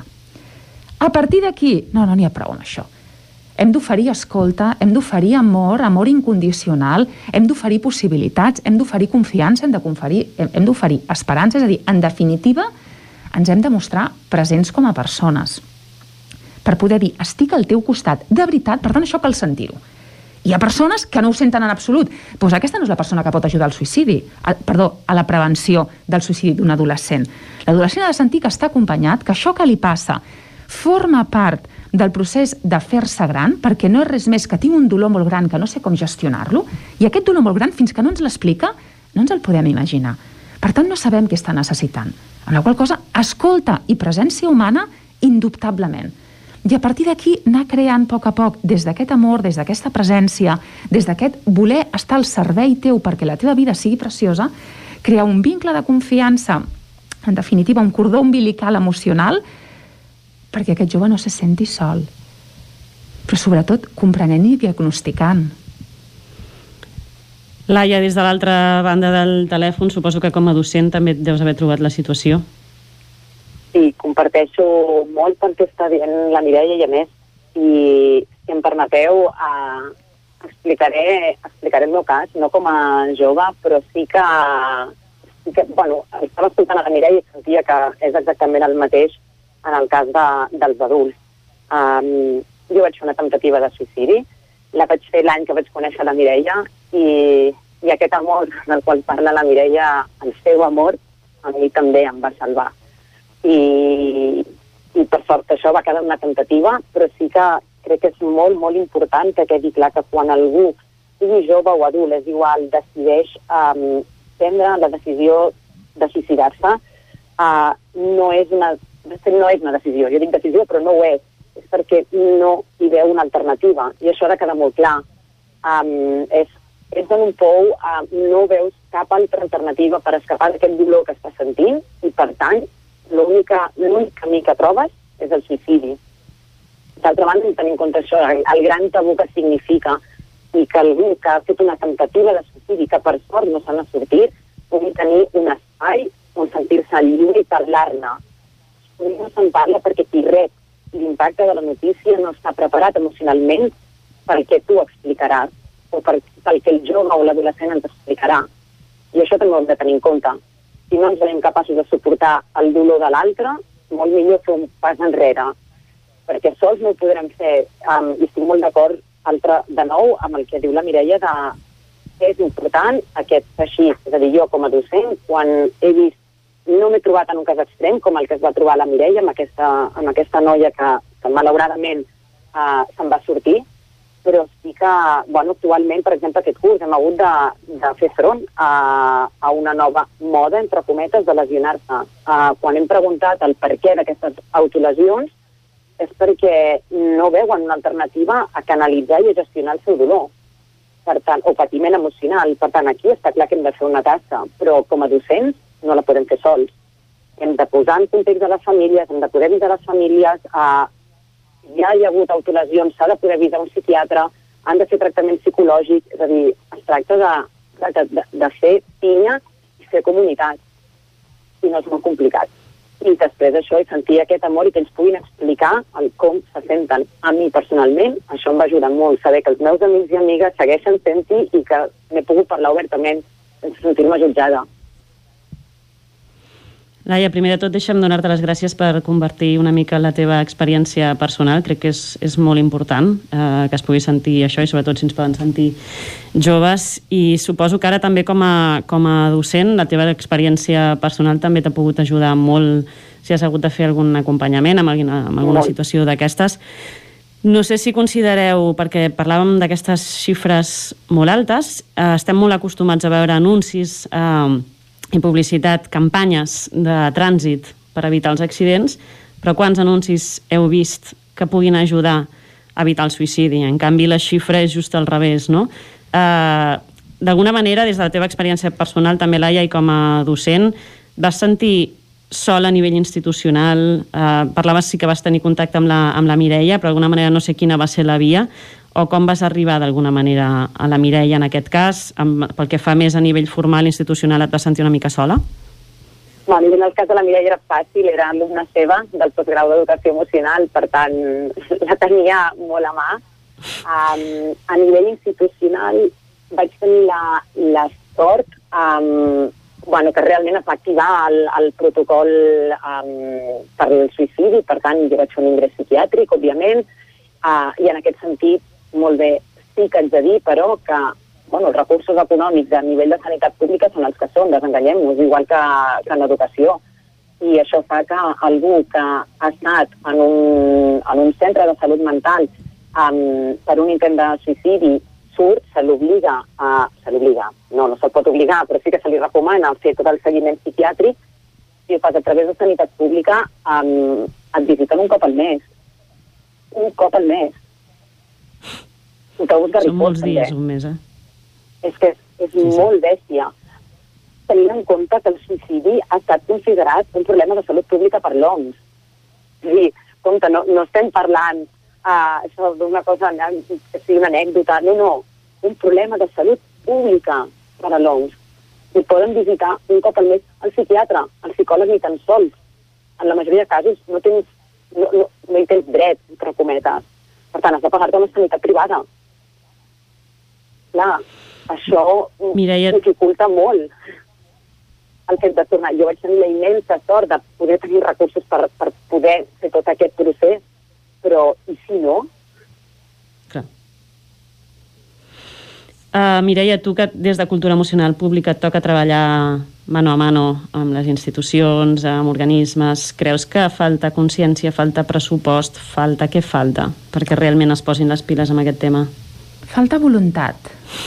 Anem bé. Aquesta és partint partint d'això, no, ja?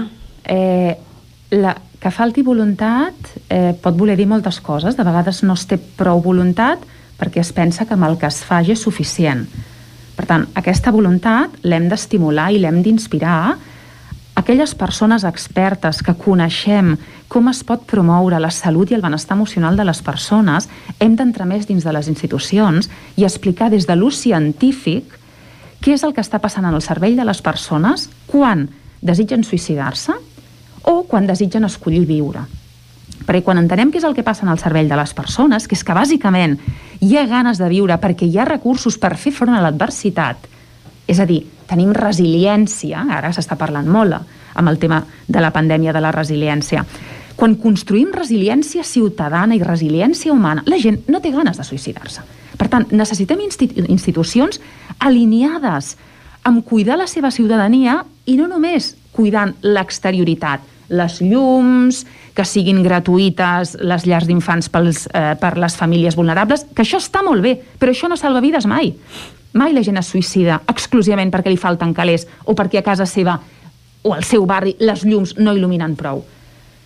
Falten, quan jo em vull suïcidar és perquè em falten recursos personals, psicològics i emocionals per poder fer front a algo que m'ha vingut i que jo no sé com gestionar.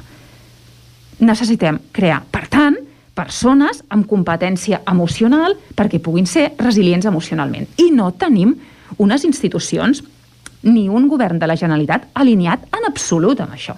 I ho dic coneixent molt bé de què estic parlant. Ara bé, eh, estan fent coses? Sí, però, però pixen fora de test. És a dir, estem invertint en la prevenció quan no va només de prevenció, va de promoció de salut. Va de promoure que les persones puguin cuidar-se sàpiguin cuidar-se, i no físicament, sinó emocionalment també. Perquè sabem, veient i seguint els referents mundials de benestar, que el benestar té, comença en una dimensió molt interior, que és el benestar emocional. I a partir d'aquí podem construir el benestar social, el benestar material, el benestar físic i el benestar a les organitzacions. Però el benestar, el, aquest tipus de benestar social, qui el construeix? Mm, les persones, i les persones, si no estan bé interiorment, ja els hi pots demanar que construeixin mil esglésies. No podran, perquè els hi falta aquest fonament, aquest pilar interior. I estem en una societat molt malalta i que està patint molt emocionalment. Ja no parlo de la pandèmia, que per sort la pandèmia ha vingut a, vis a visibilitzar-ho. Eh, però, però entre que es visibilitza i que fem alguna com a país, doncs perdrem a molta gent. Precisament la pandèmia et volia preguntar si d'alguna manera ha sigut encara eh, empitjorat o, o ha servit d'alguna manera això, no?, per visibilitzar i posar llum davant d'aquest problema. Ha posat llum, ha permet veure, per tant, i que les institucions vegin que la salut mental, des de fa anys que està en joc, però que ara, mmm, bueno, està saltant pels aires. Però, però falta veure quina és la reacció institucional intel·ligent que es té. Jo, les que he vist fins ara, per mi, com a experta en benestar emocional i en salut emocional, no són suficients en absolut. Doncs amb aquesta crítica directa que Total. hem de fer des d'aquí, que per això també podem fer-ho, ens arriba aquesta musiqueta que ens avisa que s'acaba el racó de pensar d'avui Laia, a l'altra banda del telèfon, moltíssimes, moltíssimes gràcies per participar avui. Moltes amb, gràcies a vosaltres per tractar un tema tan delicat com aquest i sobretot això obrir l'esperança que realment se'n surt i que si ens empoderem um, i ens donen aquestes eines uh, d'educació emocional, realment, quan un veu alternativa, el suïcidi no existeix. Gràcies, Laia. Doncs gràcies, Mireia. Jordi Vicenç, us torno de seguida al relleu a Vic. Eh, abans d'això, només recordar que dijous vinent tornarem a ser aquí amb una nova tertúlia sobre educació i família al racó de pensar. Doncs fins dijous que ve, i tant que sí. Moltes gràcies, Maria. Gràcies, nois.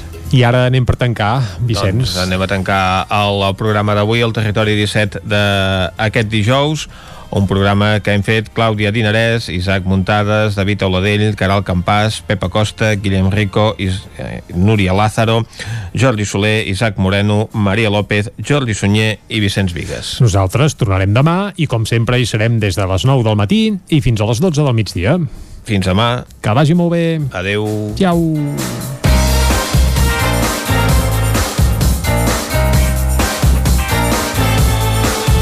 Territori 17, un magazín del nou FM. La veu de Sant Joan. Ona Codinenca i Ràdio Cardedeu amb el suport de la xarxa.